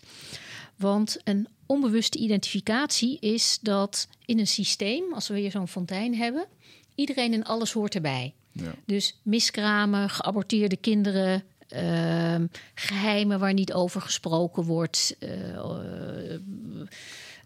nou, ongelukken die er gebeurd zijn en dergelijke. Een systeem accepteert het niet als er iets of iemand wordt buitengesloten. En je kan vanuit je persoonlijke geweten kan je zeggen van, uh, nou die persoon in mijn familiesysteem, nou die is altijd zo agressief, nou daar blijf ik uit de buurt. Ja. Dat is praktisch gezien vaak ook heel verstandig. Alleen met je innerlijke houding hoort die persoon wel bij het familiefontein, bij de, het familiesysteem. Ja. Dus met je persoonlijke geweten kan je dus mensen of gebeurtenissen kan je buitensluiten. Mm. Wat de meeste mensen niet weten, is dat er naast zo'n uh, naast het persoonlijke geweten, dat er over je familie ook een familiegeweten heerst. En over een organisatie, een organisatiegeweten. En over een land, een, een, een, ja, een landgeweten, laat ik het zo maar even noemen. Mm -hmm. En die zie je niet, maar die voel je op een bepaalde, die kan je niet voelen, maar de effecten zijn wel zichtbaar. Want zo'n familiegeweten die heeft als doel om iedereen die bij een systeem hoort, uh, weer erbij te laten horen. Dus op het moment dat nou iemand wordt buitengesloten, doordat hij domme dingen heeft gedaan of omdat de pijn te groot was, de rouw van stel van uh, overleden kinderen, daar wordt soms ook niet meer over gesproken, omdat gewoon vanuit het trauma het, het te pijnlijk is dat zo'n kind dan mm. uh, buiten wordt gesloten. En soms zelfs ook wel de naam gaat dan soms ook nog wel eens naar een volgend kind. Nou, dan wordt iemand buitengesloten. Dan wordt dat familiegeweten wordt geactiveerd. En dat betekent dat er een willekeurig kind van de fontein, die later is gekomen dan die persoon die buiten is gesloten, die wordt onbewust in dienst genomen om onbewust geïdentificeerd te raken met die persoon die worden buitengesloten. Of een meervoud of een, uh, of een eenling. Mm. Dan sta je dus niet meer op jouw plek in de fontein waar jij juist die stroming uh, oppakt. Maar dan kom je dus op die plek te staan en dan leef je volgens de dynamiek. Het zal mij niet beter gaan dan jou. Op dat moment is zo'n kind niet in staat om zijn eigen leven te leiden. En deze persoon is, zonder dat het kind het weet, de grote liefde. En in een opstelling kan je dat heel loepzuiver kan je dat blootleggen. Want je ziet zo uh, de representant van dat kind en die persoon die is buitengesloten. Nou, je ziet de liefde, dat, dat straalt er vanaf. Ja. En die is alles overheersend. Dat betekent dat als de ouder roept, bijvoorbeeld de vader, van, die zegt dan van: jij, ik ben je vader, jij bent mijn lieve zoon. Dan kan het kind soms niet eens opkijken, want die liefde is alles overstijgend voor die persoon met wie je onbewust bent geïdentificeerd. Ja, op dat moment leef je dan volgens de dynamiek: het zal mij niet beter gaan dan jou. Ja. Nou, dit gebeurt altijd omdat er iemand wordt buitengesloten door uh, omdat iemand iets stoms heeft gedaan of, uh, of omdat er iemand het verdriet te groot was. Dus dit kind gaat niet zijn eigen leven leiden. Um, en dan gaat het wel even goed, maar dan gaat het kind zichzelf saboteren. Ja. Waardoor het weer minder goed gaat. Want dan moet je, want als je jezelf in de opwaartse lijn zet, dat is in het begin even fijn, maar daarna is het niet uit te houden, want dan word je ontrouw aan die persoon met wie je onbewust bent geïdentificeerd. En dit kan je dan ook in een opstelling, kan je dat dus loskrijgen. En dan kan een kind ook opeens vaak naar de ouders kijken. Ja. En dat is dus ook heel mag voor een ouder. Ben je echt zo machteloos als je voelt van, nou, ik ben er volledig voor mijn, voor mijn kind. Ik kan mijn kind echt zien in wie het is. Uh, maar het kind kan het niet ontvangen, omdat het kind dus onbewust elders ja. bezig is bij die persoon. Ja. Dat is ook verschrikkelijk frustrerend voor een, een ouder. Hmm. En als, ja. ouder, als ouder zijnde um, hmm. zou je dit dus kunnen oplossen voor jouw kind? Ja. Die daarmee zit. Ja. Hoeft het kind zelf niks mee te doen? Nee. Vaak, zeker als met jonge kinderen, dan uh, kunnen we dat gewoon in een opstelling waar het kind vaak niet eens bij is, kunnen we dat vaak loskrijgen. Als ze uh, ouder zijn, uh, dan wil ik zelf met uh, die persoon aan de gang gaan. Maar ik ga liever in eerste instantie met de ouders aan de gang. Hmm. Heb je wel eens kinderen over de vloer? Die, zelden, zelden. Ik werk eigenlijk altijd met de ouders in eerste instantie. Ja, Ja. Mooi. Fascinerend. Ehm, ik zou eigenlijk gewoon eens eventjes ehm, drie dingen aan je willen voorleggen. ehm, Waar mensen gewoon heel bazaal op aangaan. En wat familieopstellingen daarin kunnen doen. Eh, en de drie eh, best scorende dingen bij eindbazen zijn, eh, als we het ergens over hebben, als we kijken naar de cijfers, dan is het geld, eh, seksualiteit en gezondheid. En ik wou, ik ga ze gewoon één voor één met je af. Ik was gewoon heel erg benieuwd. Nou, laten we beginnen met, met seksualiteit en opstellingen. Wat, wat, wat zijn dingen die daar bijvoorbeeld in voorkomen, die eh, wat jou bijvoorbeeld is bijgebleven met eh, van oké, dat, dat, dat, dat zit op die manier in elkaar en dat hebben we zo kunnen oplossen. Ja. Nou, wederom, hier is nooit iets eenduidigs, maar ik kan wel bepaalde dingen zien. Dus het is geen eh, wet van mede en pers. Het is dat het altijd zo is. Maar ik kan hier, ja, je zou duizend scenario's op los kunnen laten. Ja, ja. Maar iemand die moeite met seksualiteit heeft, die dat spannend vindt, die heeft eigenlijk altijd nog iets met de moeder uit te zoeken. Nou, dat is waar we het natuurlijk ook over gehad hebben. Ehm, De, verbind, ja, De verbinding met je moeder, inderdaad. ja, hoe kan je je verbinden met Ja. iemand anders? Ja. Ja. Nou, je ziet natuurlijk ook dat ook op het gebied van eh, seksualiteit zijn er ook ja, te vaak eh, grensoverschrijdingen, eh, aanrandingen, verkrachtingen, et cetera. Op het moment, dat is het maffen van een familiesysteem. Je denkt dat dat te maken heeft met uitsluitend een bloedband. Maar op het moment dat het een. eh, eh, op het moment dat je met iemand seks hebt gehad, dan hoort die persoon ook bij jou in het familiesysteem. Dus als het bij gedwongen seks is, dan komt ook die dader, die komt bij jullie in het familiesysteem terecht. Dus daar kan ook nog weer ooit iemand onbewust mee geïdentificeerd raken met zo'n dader, die dat soort patronen dan weer gaat volgen.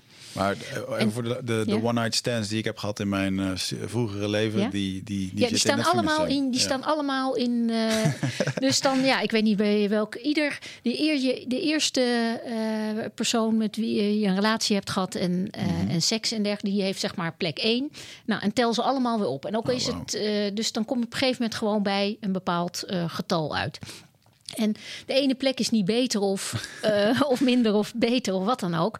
Maar ze horen allemaal bij het systeem. En buitensluiten, dat levert altijd systemisch gedoe op. Dus als je ze eigenlijk niet erkent van ja, uh, je bent er geweest, ook al is het maar één uh, nacht en het was leuk en het was feest en daarna zijn we weer, hebben de wegen gescheiden, dan hoort zo iemand er gewoon bij. Hmm. Maar op het moment dat er constant allemaal dat soort mensen worden buitengesloten, dan heb je kans dat een kind die later komt ook onbewust weer geïdentificeerd raakt met al die. Met een van hen. Met een van hen.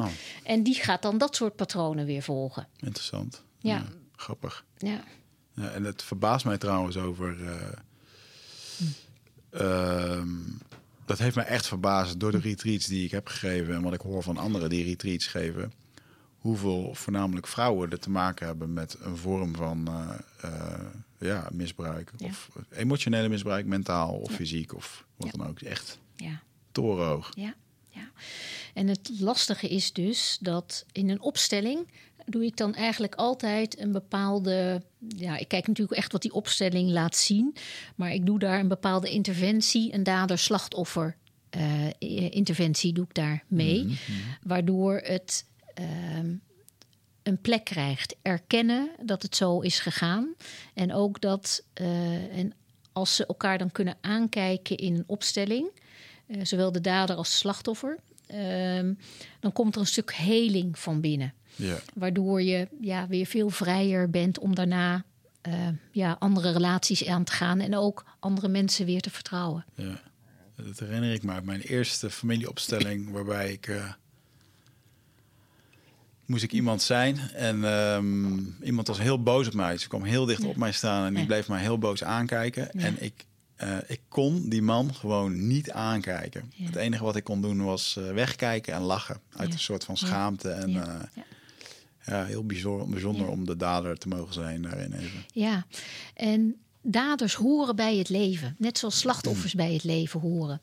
En het erkennen dat die daders er ook bij horen. En dat wil, ik zeg niet dat je de dader goed moet keuren. Dat hoor je me absoluut niet zeggen. Mhm. Maar ik hoor wel, erken, eh, eh, eh, je hoort me wel zeggen van erken dat zij er ook bij horen. Want bij, door erkenning krijgt een systeem rust. En dan hoeft dat patroon zich niet van daderschap ook te herhalen, steeds in de volgende uh, generaties. En is um, het gegeven dat iemand een dader is, mm -hmm. Uh, is wel een perceptie van iemand. Mm -hmm. Want uh, bijvoorbeeld mensen krijgen in de familie bijvoorbeeld ruzie over geld. Mm -hmm. Noem eens even wat in erfenissen, dat soort dingen. Ja. Daar krijg je natuurlijk ontzettend veel gezeur over. Um, of dat zie je vaak. Ja. En Ehm, maar als je beide partijen spreekt, dan staan ze volledig in hun recht. En mhm. dan is het toch? Dan is het mhm. gewoon de perceptie van die ene persoon. Klopt, maar je ziet vaak gedoe om erfenissen.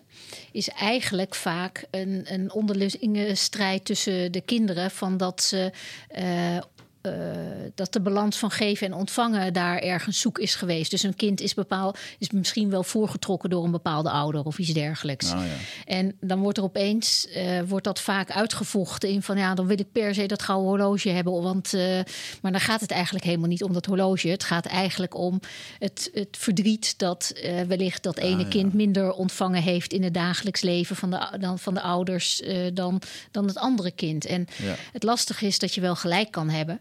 Alleen, uh, het is jouw lot. Uh, ja. En je hebt niets te eisen van je ouders. Je hebt alleen maar aan te nemen wat er is. Ja. Um, dus gedoe tussen die, die broers en zussen over, over erfenissen, ja, dat, kan, dat zit vaak op een heel ander vlak dan uh, waar het feitelijk uh, ja. ogenschijnlijk over gaat. Ja, nou, dan komen we gelijk een beetje op het volgende: opstellingen en geld. Ja, dat is ook een hele ingewikkelde. En daar zitten. Uh, heel veel verschillende uh, redenen en uitleggen zitten daarachter. Maar laat, laat ik het zo zeggen, iemand die bijvoorbeeld geld, ja, iemand die geldproblemen heeft, het stroomt niet met geld. Mm -hmm. uh, er zijn schulden of raakt iedere keer saboterend met, met geld. Ja, nou dan, dat is misschien een manier om het jezelf niet goed te laten gaan. Hmm. Dat zou een reden kunnen zijn om te kunnen onderzoeken van heeft iemand een onbewuste identificatie. Want dan, dan, saboteert hij zich toevallig op geld. Nou, dan gaat het jou niet goed. Maar als je onbewust geïdentificeerd bent, dan heb je dus eigenlijk baat erbij dat het jou niet goed gaat. Ja. Dus dat zou op zo'n moment iets met geld te maken kunnen hebben. Maar over het algemeen ga ik ook wederom, ik stel dan vaak, uh, ik ga eerst ook eens kijken hoe iemand zich dan naar zijn moeder verhoudt. Uh, het blijkt gewoon eigenlijk altijd dat op het moment dat je je moeder boven je kan zetten in de fontein, dan stroomt het hele leven beter, inclusief geld. Hmm. Dus ook als bedrijven, ik heb ook heel veel ondernemers die uh, bij me komen. En, uh, want ik ben van oorsprong heb ik ook een bedrijfskundige achtergrond, dus daar kan ik ze ergens ook nog wel op uh, coachen en begeleiden. Maar dan ga ik eerst eens even de vraag stellen: vertel eens iets over de band met je moeder. Dus is me echt aan te kijken van Els, kwam toch hiervoor uh, iets heel anders? Vertel eens iets over je moeder. En op het moment dat die moeder ehm, dat je onvoldoende in staat bent om je eigen moeder goed aan te kijken, zou ik allereerst daarmee aan de slag gaan om te zien wat er dan ook op het gebied van geld uiteens gaat stromen. Ja, mooi. En ook in als je eigen bedrijven ook opzet, of mensen die hebben allerlei plannen voor bedrijven, of die hebben al uh, bedrijven, dan uh, maak ik daar vaak ook een bedrijfsopstelling van, een organisatieopstelling. Maar dan zet ik vaak toch ook even de moeder erbij. Hmm. En dan gebeurt er vaak ook iets in zo'n opstelling. Dus ook, het is niet per definitie dat moeder en geld uh, aan elkaar gekoppeld zitten, maar ik zie het wel heel veel. Ja, ja interessant. Ja. En uh, het gezondheid, een stukje zorgen voor jezelf, fysiek? Ja, um, ik doe ook steeds meer opstellingen ook op het gebied van gezondheid. Van mensen die bijvoorbeeld kanker hebben. Hmm. Um, dan blijkt, dan stel ik ook dus uh, de ziekte op en de, de, eventueel de oorzaak van de ziekte, et cetera. En vaak is dat dat er iets in, in het systeem uitgebalanceerd moet worden. En vaak is het ook een, uh, een verwijzing dat het. Uh, nee, dat ik het anders zeggen. Ik geef een heel concreet voorbeeld. Um, ziekte van Crohn, dat is met de darmen. Ja. Um, wat ik daar ondertussen in opstellingen heb gezien. En ik kan het niet bewijzen, en, maar het is een patroon wat ik vaak zie. Op het dat is dat iemand zijn moeder niet kan aannemen. Op het moment dat uh, de, de cliënt dan wel kan aannemen van de moeder in de opstelling, dus de moeder boven zich kan zetten in de fontein, dan zie ik in de opstelling dat die ziekte van Crohn dan naar de zijkant gaat. Hmm. En ik heb toevallig een aantal mensen jaren gevolgd die ziekte van Crohn hebben. Uh, en die moeten uiteraard wel zich aan een dieet houden. En je moet bepaalde discipline, die moet je gewoon houden. Maar we kunnen steeds duiden eigenlijk op het moment dat die ziekte zich weer meer ging manifesteren. En dat lag dan niet aan gebrek aan discipline, van, want je moet natuurlijk een dieet houden, dat soort dingen. Uh, dat, dat we altijd incidenten konden terugbrengen die te maken hadden met de moeder. Dat het dan hmm. weer extra opspeelde. Ja. En dat zie ik dus ook met, uh, met bepaalde uh, kankersoorten. Uh, nou, ja, vaak hebben ziektes en gezondheid die. Ehm, die, die hebben een, vaak een oorsprong in dat hele familiefontein, omdat daar ergens iets niet goed stroomt. En als dat beter gaat stromen, dan kunnen soms de symptomen minder worden. Waarbij uiteraard altijd het medische circuit altijd. Dit is op zijn hoogst iets erbij. Het is niet alleen dit zoals ik het zie. Het is en en. Ja, dat, uh... ja, dat is eigenlijk wel een mooie brug naar, uh, je noemt het medische circuit slash de wetenschap. Wat, wat weet de wetenschap eigenlijk over, over familieopstellingen? Niet. Nee. nee. Dat is dus het lastige. En we kunnen het ook niet bewijzen. En we snappen ook gewoon niet dat op het moment dat je wordt uitgenodigd om als representant in een, eh, in een opstelling te staan, waarom je opeens weet dat je daar moet gaan staan. Dat je opeens voelt dat, dat je op je eigenlijk niet op je ene been kan staan. En dan zegt opeens ook een cliënt: Ja, mijn vader die had ook iets altijd aan zijn rechterbeen. Of bepaal, we weten niet hoe, hoe het werkt. Hmm. En um, ik zie het ook eigenlijk niet als mijn taak om, om het te verklaren. Dat mogen andere uh, mensen doen. Uh, en misschien ook in de wetenschap dat we in de toekomst daar steeds beter uh, dingen voor kunnen ja, verklaren met hersenonderzoek of weet ik voor wat. Of, ik zie dat het zo werkt. En, en we hebben nu zoveel patronen kunnen zien dat, of eigenlijk ook door het volgen van mensen, dat eh, van voor een opstelling en na een opstelling. Wat verandert er dan in hun leven? En daaruit kunnen we natuurlijk bepaalde conclusies nu trekken. Maar die zijn absoluut niet wetenschappelijk onderbouwd. Ja. En dat, uh... ja, fascinerend. Je noemt het um, hm. dat je jouw plek mag gaan innemen in de fonteinen waar het mag stromen. Mm -hmm. um, hoe werkt het precies in de zin? Want ik weet bijvoorbeeld heel erg goed, bijvoorbeeld, als ik het even heel plat mag slaan op een ayahuasca-ceremonie, een shamaan, die zorgt eigenlijk gewoon dat jij een andere perceptie op iets kan krijgen, mm -hmm. waardoor je het begrijpt, waardoor je het kan helen, waardoor je het door kan maken. Ja. Is het, en mag je dat hetzelfde vergelijken als met een familieopstelling? Of is dat anders? Want op je eigen plek gaan staan, wat betekent dat precies in de, ja, ja. Om, om het er wat meer beeld te geven? Ja. Nou, ik heb geen ervaring met uh, ayahuasca-ceremonieën, dus daar kan ik niet echt iets over zeggen. Maar het is natuurlijk wel dat er op een bepaalde manier ook bij systemisch werk. er verandert iets in het beeld van de cliënt, hmm. waardoor er iets anders kan ontstaan. Je kan opeens zien dat de moeder uh, helemaal weggetrokken wordt door, door haar lot en door allemaal verlies. En dat had je nooit zo door, want in het dagelijks leven uh, was ze wel vrolijk en opgewekt, maar in de opstelling zie je dat ze compleet in, ja, uh, weggetrokken wordt door, door rouw. Dus dan kan je niet meer op dezelfde manier naar je moeder kijken. Hmm. En vaak kan je dan ook niet meer boos op haar zijn dat ze uh, bepaalde dingen ja, niet, uh, er niet voor je kon zijn. Ja. Want je ziet van ja, dit is gewoon helemaal geen onmacht. Dit is of geen onwil, dit is volledige onmacht. Ja. Uh, dus daardoor verandert er wel iets in, in je hoofd uh, vaak. En daardoor verandert er ook iets in je lichaam. Ja. Maar soms kunnen we ook een opstelling ook totaal niet duiden. Van we hebben ook blinde opstellingen. Dan, uh, dan vraag ik uh, aan de groep van de, de deelnemers van joh, als je voelt, voel goed in je lichaam. Word je nu uitgenodigd om representant te worden voor deze opstelling. En zoek dan maar je plek in die ruimte. Nou, dan staan we soms met tien mensen daar in die hele ruimte. En de cliënt zit nog aan de zijkant en die komt er later dan ook nog wel in. En ik heb geen flauw idee wie wie is.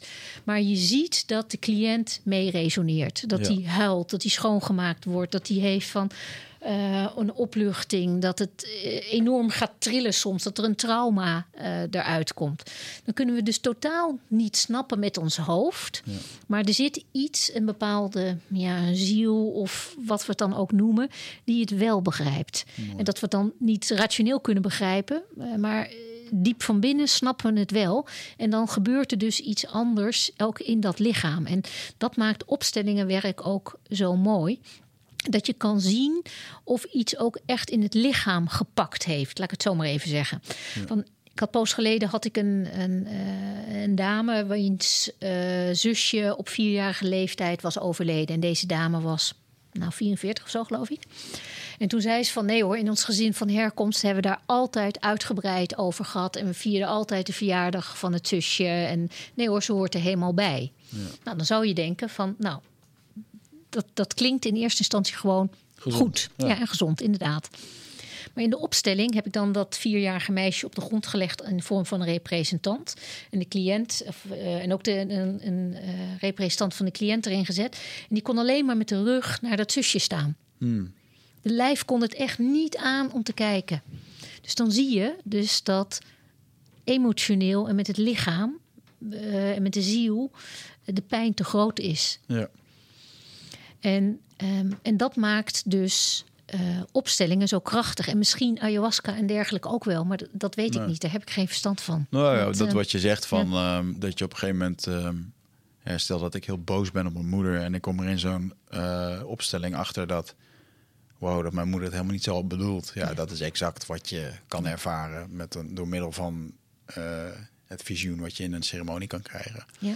Dus ik, ik, denk dat het ergens wel in hetzelfde veld hangt. Ja. Oh, dat, dat moet haast wel. Ik bedoel, er zit iets onzichtbaars, ongrijpbaars, wat we ergens diep van binnen snappen, maar ergens ook weer helemaal niet en waar we op mee resoneren. Ja. Um, ja, ja, en er zijn meerdere wegen om naar Rome uh, te gaan. Um, de, de kunst is daarbij nog wel om ook wel jezelf dan uh, soms ook gewoon maar eens even te visualiseren. Ook die fontein met dat je daar uh, ook goed staat. Want hoe jij namelijk in die fontein staat. uh, bepaalt ook je patroon. Dat patroon dat herhaalt zich daarna in je dagelijks leven. Dus als jij goed op jouw plek staat, dan ontvang jij eh, al het onzichtbare goede van die fontein. Ja. Nou, dat gaat zich dan ook in je dagelijks leven uh, voortzetten. Mhm.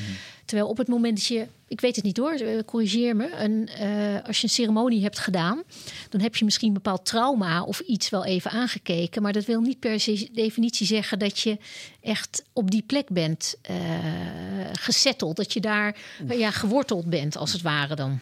Ja, vind ik ook een hele lastige. Um, ja.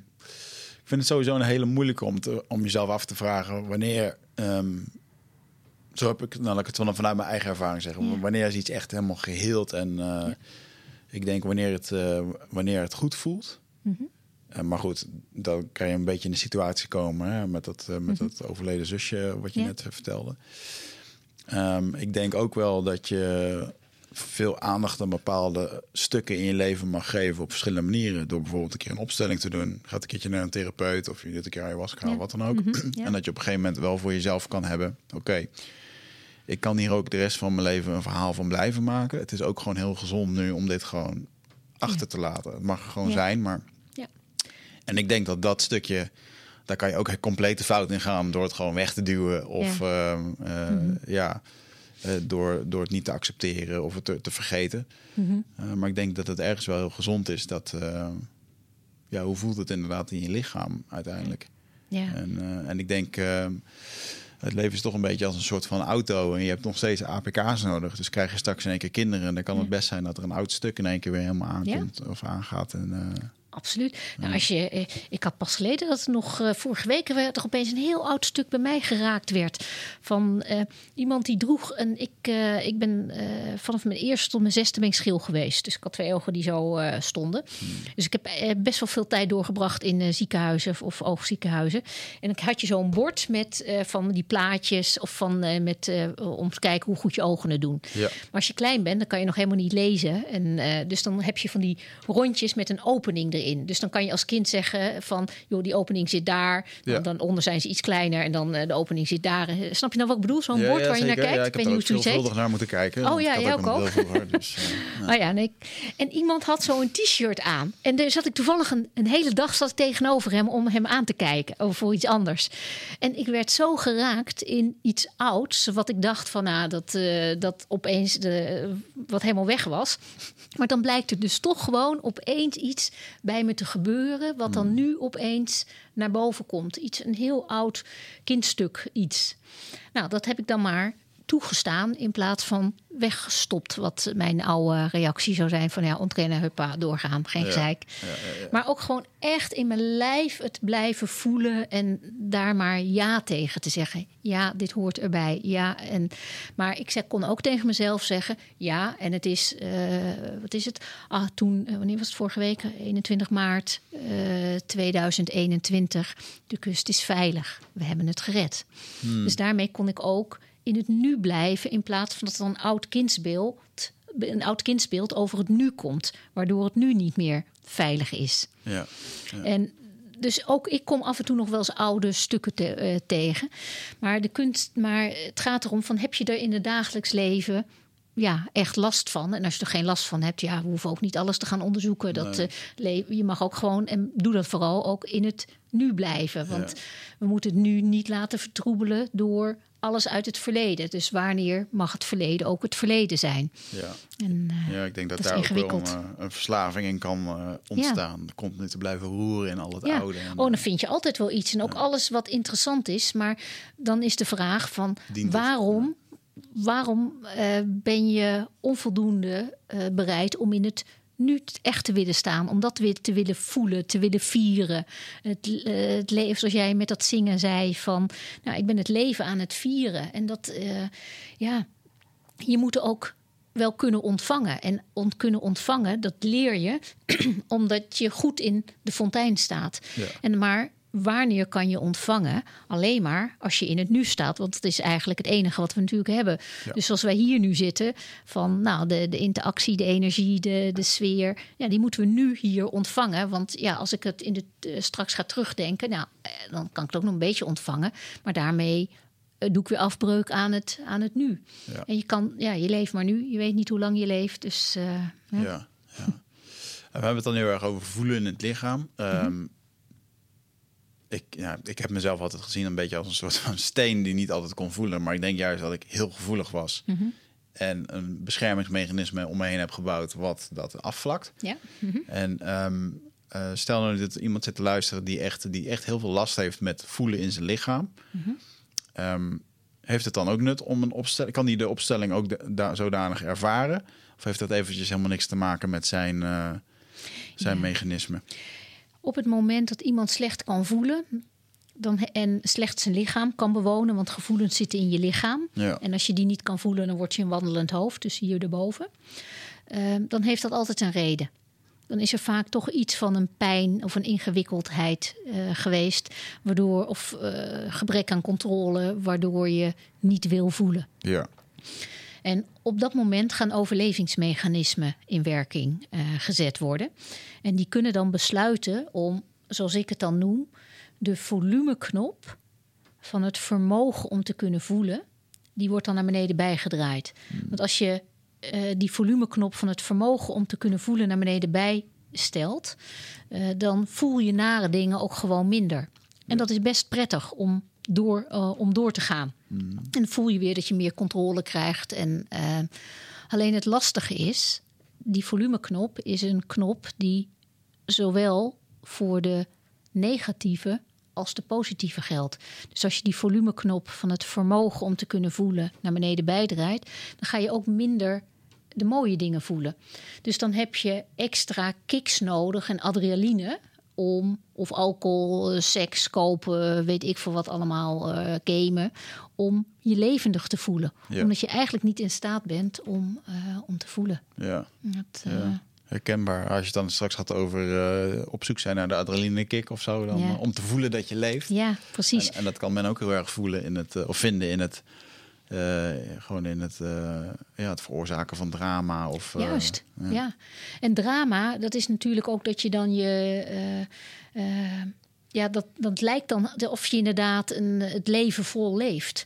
Maar je zit dan helemaal vast in, ja, in, in, ik noem dat dan secundaire emoties, die de primaire afdekken. Ja. Want daaronder zit een, een, eenzaamheid, een verdriet, een, een, machteloosheid... die je eigenlijk niet kan handelen. Dus dan leg je iets erbovenaf, bovenop. Dus als een verontwaardiging of, uh, of boos zijn of uh, drama. Ja. Um, dan lijkt het... Uh, dat is eigenlijk ook een beschermingsmechanisme. Ja. Dus niet kunnen voelen is vaak ook een best een goede reden om een opstelling te doen. Want dan kunnen we ook kijken van is hier, heeft dit iets met het familiesysteem te maken? Of is dit misschien ook weer met een andere iets of een ander trauma of zo te maken? Ja. Maar daarin kunnen we vaak iets doen. Want juist de mensen die zo rationeel zijn en die vaak slecht kunnen voelen, uh, dat zo'n systemisch veld is zo sterk dat je eigenlijk op dit niveau in je lichaam, uh, op primair niveau, uh, emotioneel niveau, wordt je schoongemaakt. Ja. En dat, je hoeft het niet eens te kunnen verklaren. Uh, maar je wordt gewoon meegenomen in dat veld. Mm. Dus dat is de reden waarom ik ook steeds mee, te, meer bezig ben met grotere opstellingendagen, zoals ik dat dan noem.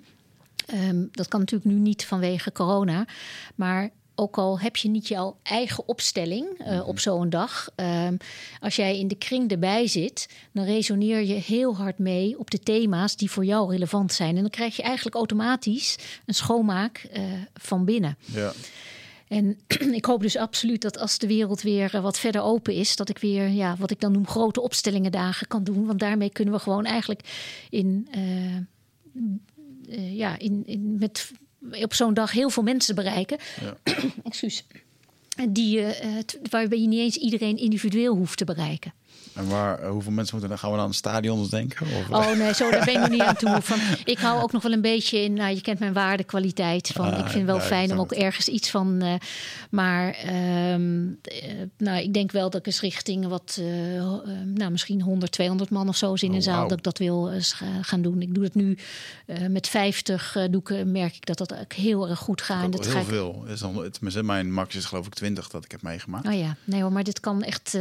mijn max is met 800 uh, mensen. En dat kan, uh, dat werkt ook prima. Hmm. Maar um, Ja, ik wil absoluut de kwaliteit en zorgvuldigheid uh, en ook individuele aandacht kunnen geven als het nodig is. Ja. Uh, dus het moet wel een beetje behapbaar blijven. Maar ieder mens is, is uh, aan de ene kant dus gewoon heel uniek met zijn eigenheid. En aan de andere kant ook weer totaal niet. Want diep van binnen snappen we allemaal wat, wat afwijzing is, wat verdriet is, wat wanhoop is, wat machteloosheid is. Ja. En daarin zijn we gewoon zo menselijk. En ja, daar resoneren we dus mee op opstellingen van de ander. En dan, Hmm. uh, dan word jij al van binnen schoongemaakt. Nou ja, dat. Uh, ja. Doe jij zelf nog wel eens opstellingen voor jezelf of ben je uit uh, opgesteld? Um, heel af en toe. Maar, maar er moet er echt iets essentieel, echt iets heel belangrijks. Of iets, iets wat echt wat. Er moet echt, nou, laat ik dan zeggen, er moet kracht achter een vraag zitten. Ik ga niet vanuit nieuwsgierigheid even iets doen. Ja. Dan werken opstellingen sowieso niet. Er moet echt een thema zijn dat speelt. Wat er vorige week dus ook even speelde. Van dat ik dat oude trauma had van uh, dat uh, met in het ziekenhuis van dat ik uh, een klein meisje was. En wat paar dingen die daar gebeurd waren. Ja. Naar aanleiding van de, die, de, de t-shirt met die. De, ja, hoe noemen we dat die, woord nou? ja, van waar, die, uh, dat scherm waar je op kijkt. Icoontjes met die ja, dingen. precies. Ja, precies, Nou, goed, je snapt wat ik bedoel. Um, toen heb ik even echt een mini-opstelling gedaan van een paar minuutjes eventjes. En um, ik kan het ook ondertussen wel met mezelf. Dit heb ik toevallig met even iemand anders gedaan. Mm. Maar ik heb in geen jaren een opstelling uh, gedaan. Ik, ik wil het ook niet gebruiken voor elk wisselwasje. Het, het moet echt voor uh, een, Diepe een echt diep thema zijn... wat op dat moment zich ja. wil uh, laten zien. Ja. En dat vind ik altijd wel mooi als je kijkt naar uh, mensen die. Nou, gewoon iedereen in zijn eigen leven. Dan denk ik dat iedereen vaak één, twee, drie thema's heeft die gewoon continu terugkomen. Dat is niet zo heel moeilijk. Vaak is het altijd hetzelfde. Ja. Dat is heel mooi als je dat daarmee kan uh, ja, en, een kans mag geven. En het mooie is van thema's komen terug. Hmm. Um, en vaak zie je juist door opstellingen dat er zo een essentiële laag geraakt wordt dat er echt iets anders kan ontstaan. En misschien blijf je altijd wel enige mate gevoelig voor dat thema, maar dan vind je weer sneller je antwoorden en je bent dan niet zo van uh, enorm er weer van, van slag uh, doorgebracht. Ja. Dat, ja. ja. Fascinerend. Ja. Jouw nieuwste boek, uh, want het eerste boek, De Fontein, vind je plek. Lieve mensen, als je het boek nog niet hebt, uh, schaf hem aan. Mm. Um, dat legt alles uit over nou, de, jouw, jouw methode en jouw visie op het familiesysteem. Mm -hmm. En um, jouw nieuwste boek mm. heeft als subtitel Vergroot je systemische bewustzijn en laat jezelf goed gaan in je leven. En ik was eigenlijk heel erg benieuwd. Wat is het favoriete hoofdstuk van jouw nieuwste boek? Oh, dat is een interessante vraag. Ik heb nooit gehad. Nee, daarom stel ik hem ook. Favoriete hoofdstuk, ja, jeetje. Um, Als je wil, mag je het er even bij pakken. Dan, uh... Nee, ik ken hem wel. Oké. Heel wat uren mee doorgebracht. Ja. Um, nou, misschien wel um, het stuk over organisaties wat, uh, wat ik hier erin schrijf. Want je neemt je familiesysteem ook mee naar een organisatie. Naar je werk of naar je, je werk. Bedrijf, ja. Als jij mot hebt met je vader of je kan hem niet aannemen, nou teken maar uit dat jij op zoek gaat naar een, een, een tweede vader. En dat je dus of een manager zoekt waar je helemaal tegen opkijkt en van wauw, die is gaaf. Maar dan ben je eigenlijk op zoek naar een tweede vader. Of iedereen is even slecht en ze snappen er allemaal niks van en dat soort uh, gedoe. Grappig. Er zitten nu echt, de, vlo de, de vloepen nu drie personen bij mij door mijn hoofd waarbij dit exact het geval is. Ja. Daar ga ik wel een keer mee kletsen. Je kan eigenlijk uittekenen dat iedereen die zijn vader onvoldoende boven zich zet, die zoekt ergens in zijn leven een tweede vader. Ja. En er zijn absoluut mensen die hele mooie rollen op het gebied van vaderschap kunnen vervullen. Maar je hebt maar één biologische vader en die heb je boven je te zetten. Ja. Want dan gaat die fontein stromen. Dus als je vraagt naar mijn favoriete hoofdstuk, daarin komt eigenlijk in dat, in, in dat stuk over organisaties komt heel veel samen. Want je brengt jezelf dus mee als met je eigen familiesysteem naar organisaties. Hmm. Um, op het moment dat jij totaal geen teamplayer bent, nou heb je waarschijnlijk ook nog iets met je moeder aan te kijken. Ja. Ehm, dus al die thema's, als jij altijd verantwoordelijkheid overneemt die niet van jou is, ga je dat ook in het werk doen. Dus kom je altijd in functies terecht waarin je veel te veel verantwoordelijkheid pakt van uh, anderen die niet van jou is. Hmm. Dus dat is één aspect.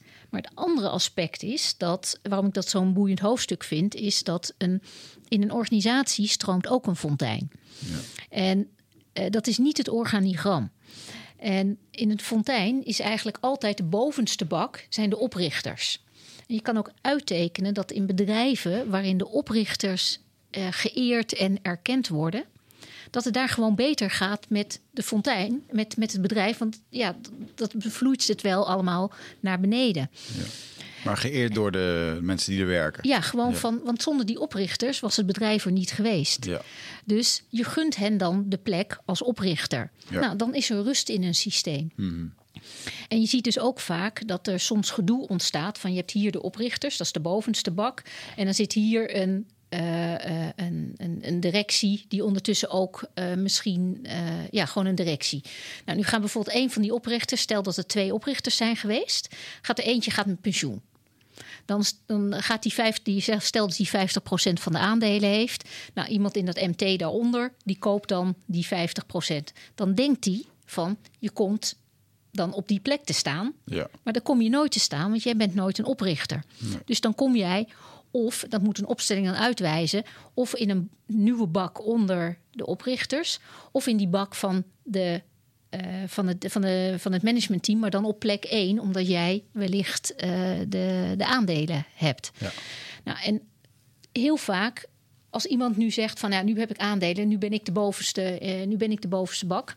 Ja, dan ken je je plek alweer niet. Nou, dat hmm. gaat ook weer voor dynamieken in zo'n hele organisatie uh, voor, gaat ervoor zorgen. Dus dat vind ik ook heel boeiend. Dus, in, uh, dus ook in organisaties zitten dus ook weer fonteinen die je beter kan laten stromen als je daar een beetje kennis en kunde van hebt. Ja. En ook in zo'n hele geschiedenis. En we hebben toen straks gehad over dat familiegeweten dat waakt over een over die fontein van een familie, die bijvoorbeeld kan zorgen voor onbewuste identificaties. Dat, je, dat een kind uh, onbewust geïdentificeerd raakt met iemand die buiten wordt gesloten. Dat zie je ook in organisaties. Want op het moment dat er bijvoorbeeld iemand wordt er op een niet zo nette manier uh, eruit gezet, een directeur, die heeft wat onhandigs uh, gedaan en wordt vaak dan ook terecht eruit gezet.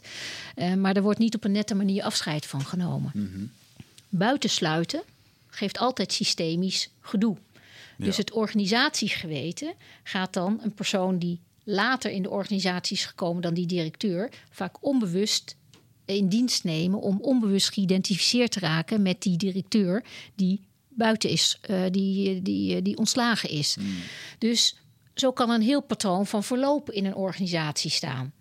Of allemaal ruzie tussen mensen. Want stel dat die twee directieleden mot hadden met elkaar. Uh, en die ene gaat er dan uit.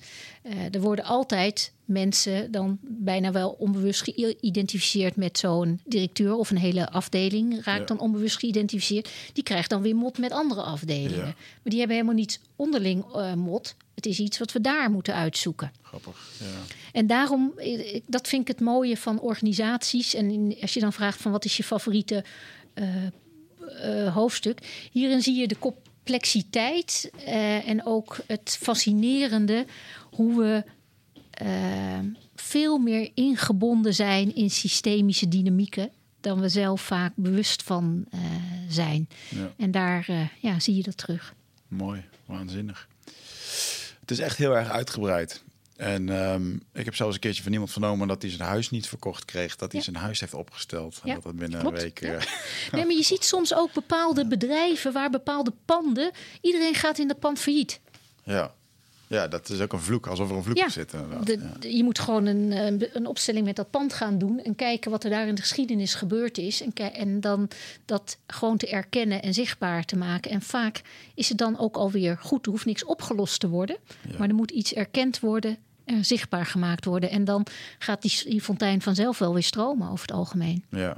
ja maar ik heb het inderdaad ook meegemaakt van dat inderdaad. Uh, uh, bedrijven opeens uh, verkocht werden, of inderdaad een, het juiste pand zich aandiende, of nou, ja. het gebeurt, ja.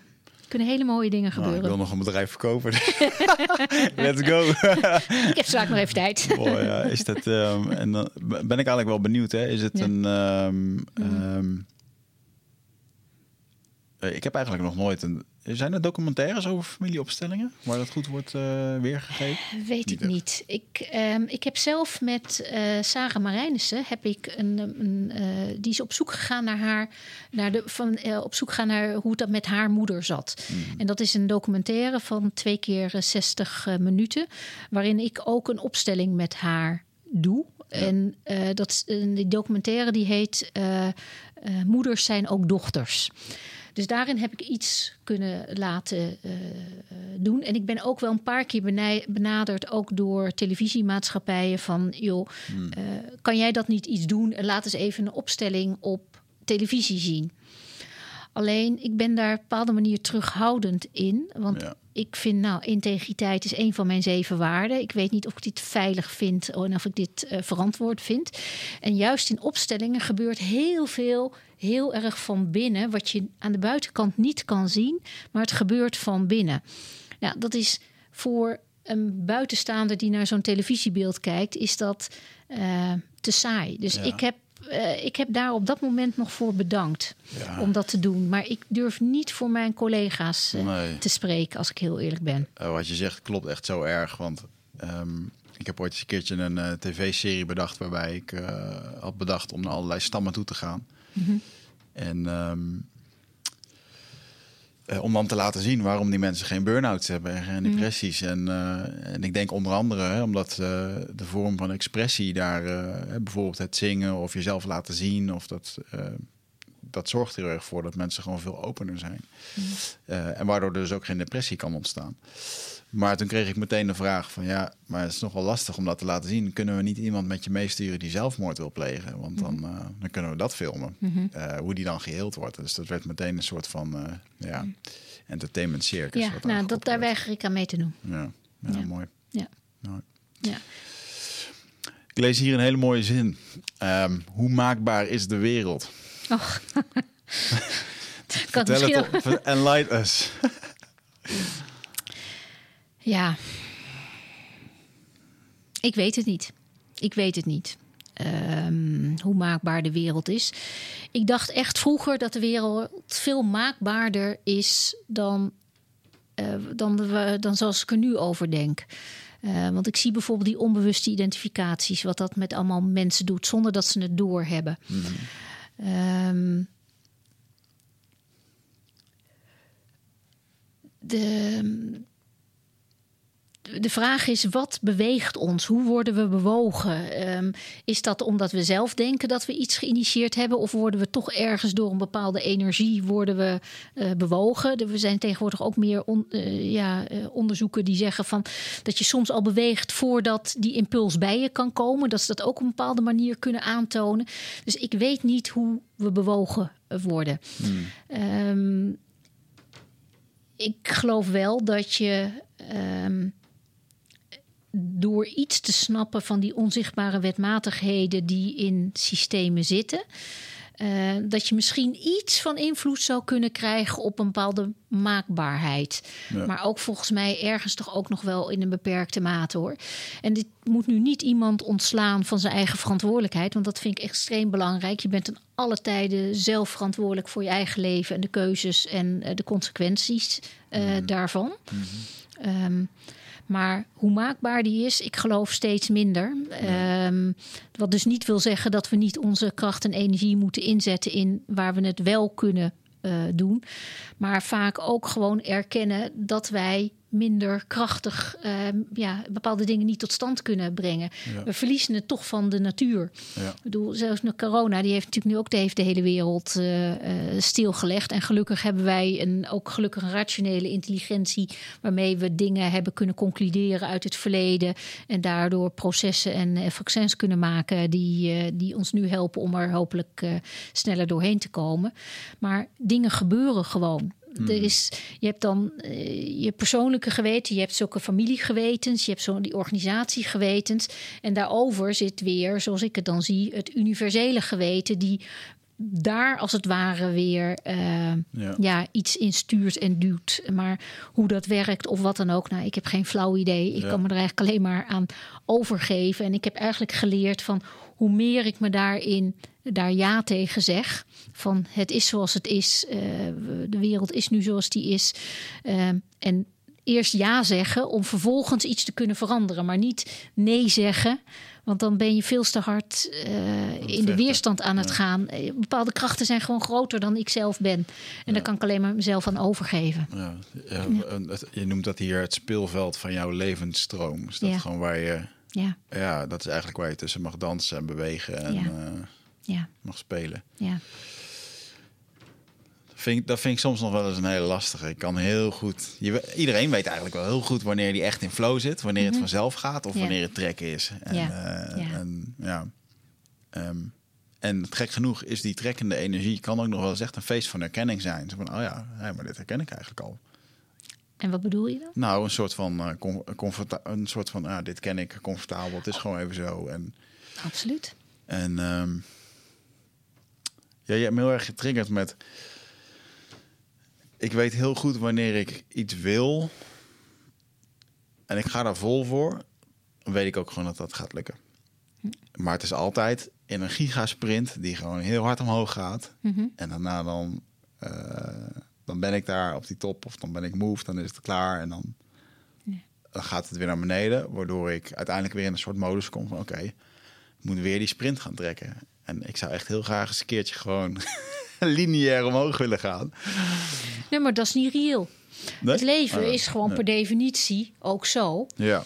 En uh, Sophie Hellinger die heeft ooit gezegd van... weet je waarom uh, de, uh, dit zo is? Volgens haar perspectief, maar ik moest er wel hard om lachen.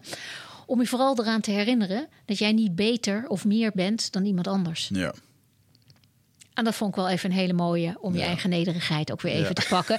Van uh, als je alleen maar zo gaat, dan zou je zomaar arrogant of verwaand of wat dan ook kunnen worden. Dat het jij beter bent dan de ander. Uh, nee, bij het leven ook. Ik, eh, het leven bestaat ook heel erg uit dualiteit uit twee kanten: voorspoed, uh, vooruitgang, maar ook stilstand, afbreuk. Dat zie je ook in de natuur, hoort altijd bij het leven. Hmm.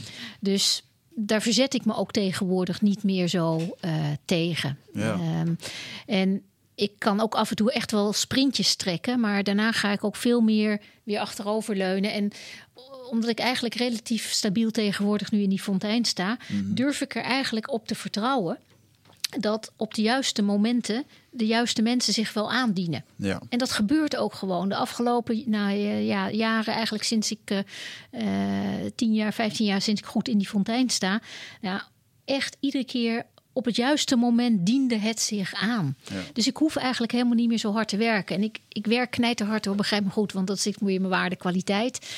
Maar ik word ook meegenomen in een, in een stroming. En dan soms moet ik dan opeens ook heel snel even iets regelen. En dan moet ik even heel hard een sprintje doen. Maar eigenlijk hoe minder ik probeer te sturen, hoe beter het me eigenlijk lijkt te gaan. Hmm. Dus ben jij dan echt iemand die wel, uh, heb jij een top 10 doelenlijstje? Even persoonlijk leiderschaps uh, gethematiseerd? Uh, nee, vroeger wel.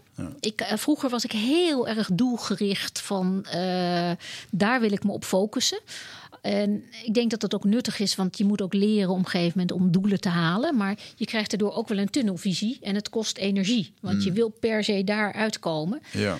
Maar daardoor uh, verloor ik heel veel energie om me zo te focussen.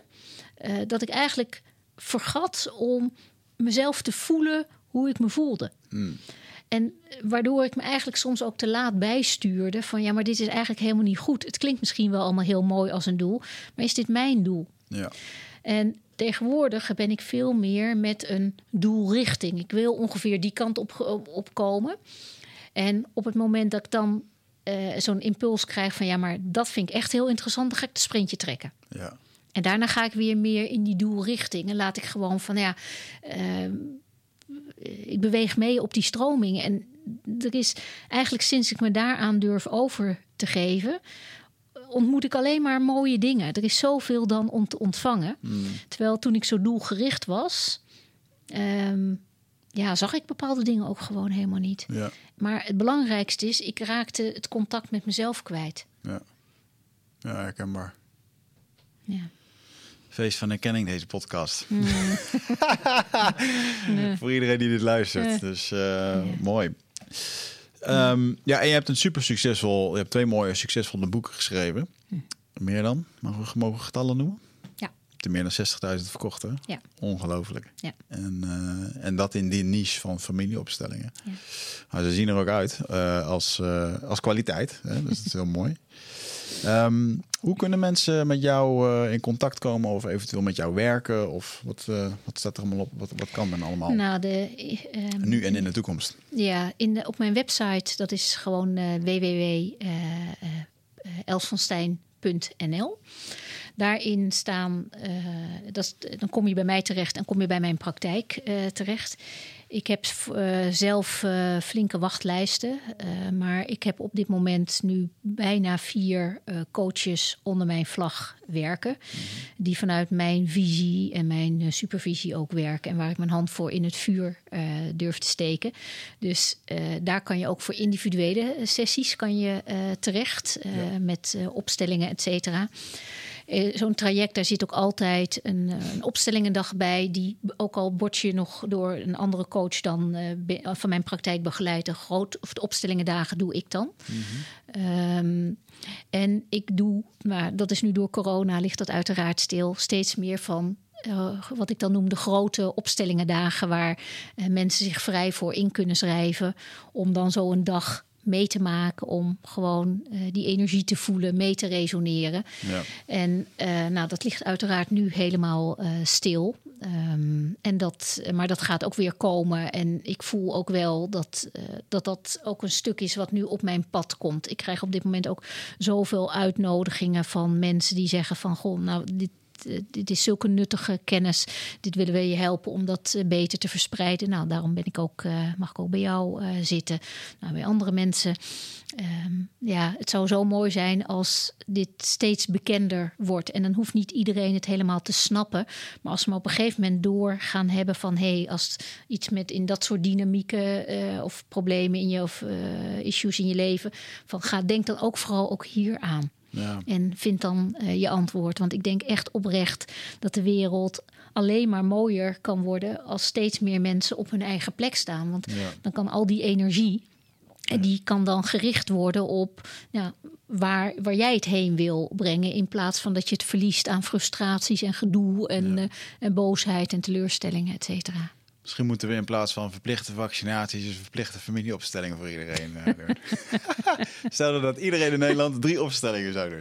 Oh, ik denk dat dat heel gezond zou zijn. Ja, absoluut. Ja, Nou, mooi. Ik Ja, zeker. Ik hoop dat deze podcast daar uh, een Nou, beetje aan mag bijdragen. Dank je wel daarvoor. Hm. En uh, ik wil in ieder geval ontzettend bedanken dat je naar de studio Ja. bent gekomen. En uh, ja, ik wil toch gewoon even zeggen uit de grond van mijn hart, je bent echt een bijzonder mens. En uh, ik waardeer het onwijs wat je, wat je doet. Dank je wel. Dank je Dankjewel. wel dat je ervoor open staat. En uh, dat je mij, uh, nou, dat je eigenlijk ook een stuk ambassadeur dan uh, van de fontein wil zijn. Ja. En ja, daar is denk ik iedereen bij gebaat. En dank dat ik jou ook mag zien in, ja, in wie je bent. In, in je openheid, in je eerlijkheid. In die hele package deal die je bent. Mooi, En dat is prachtig om te zien. dankjewel. Nou, dan gaan we dit in de toekomst nog een keertje overdoen. Nou, Uh, luisteraars, dankjewel voor het uh, luisteren naar Eindbazen. En ik zie jullie graag weer uh, bij een volgende aflevering.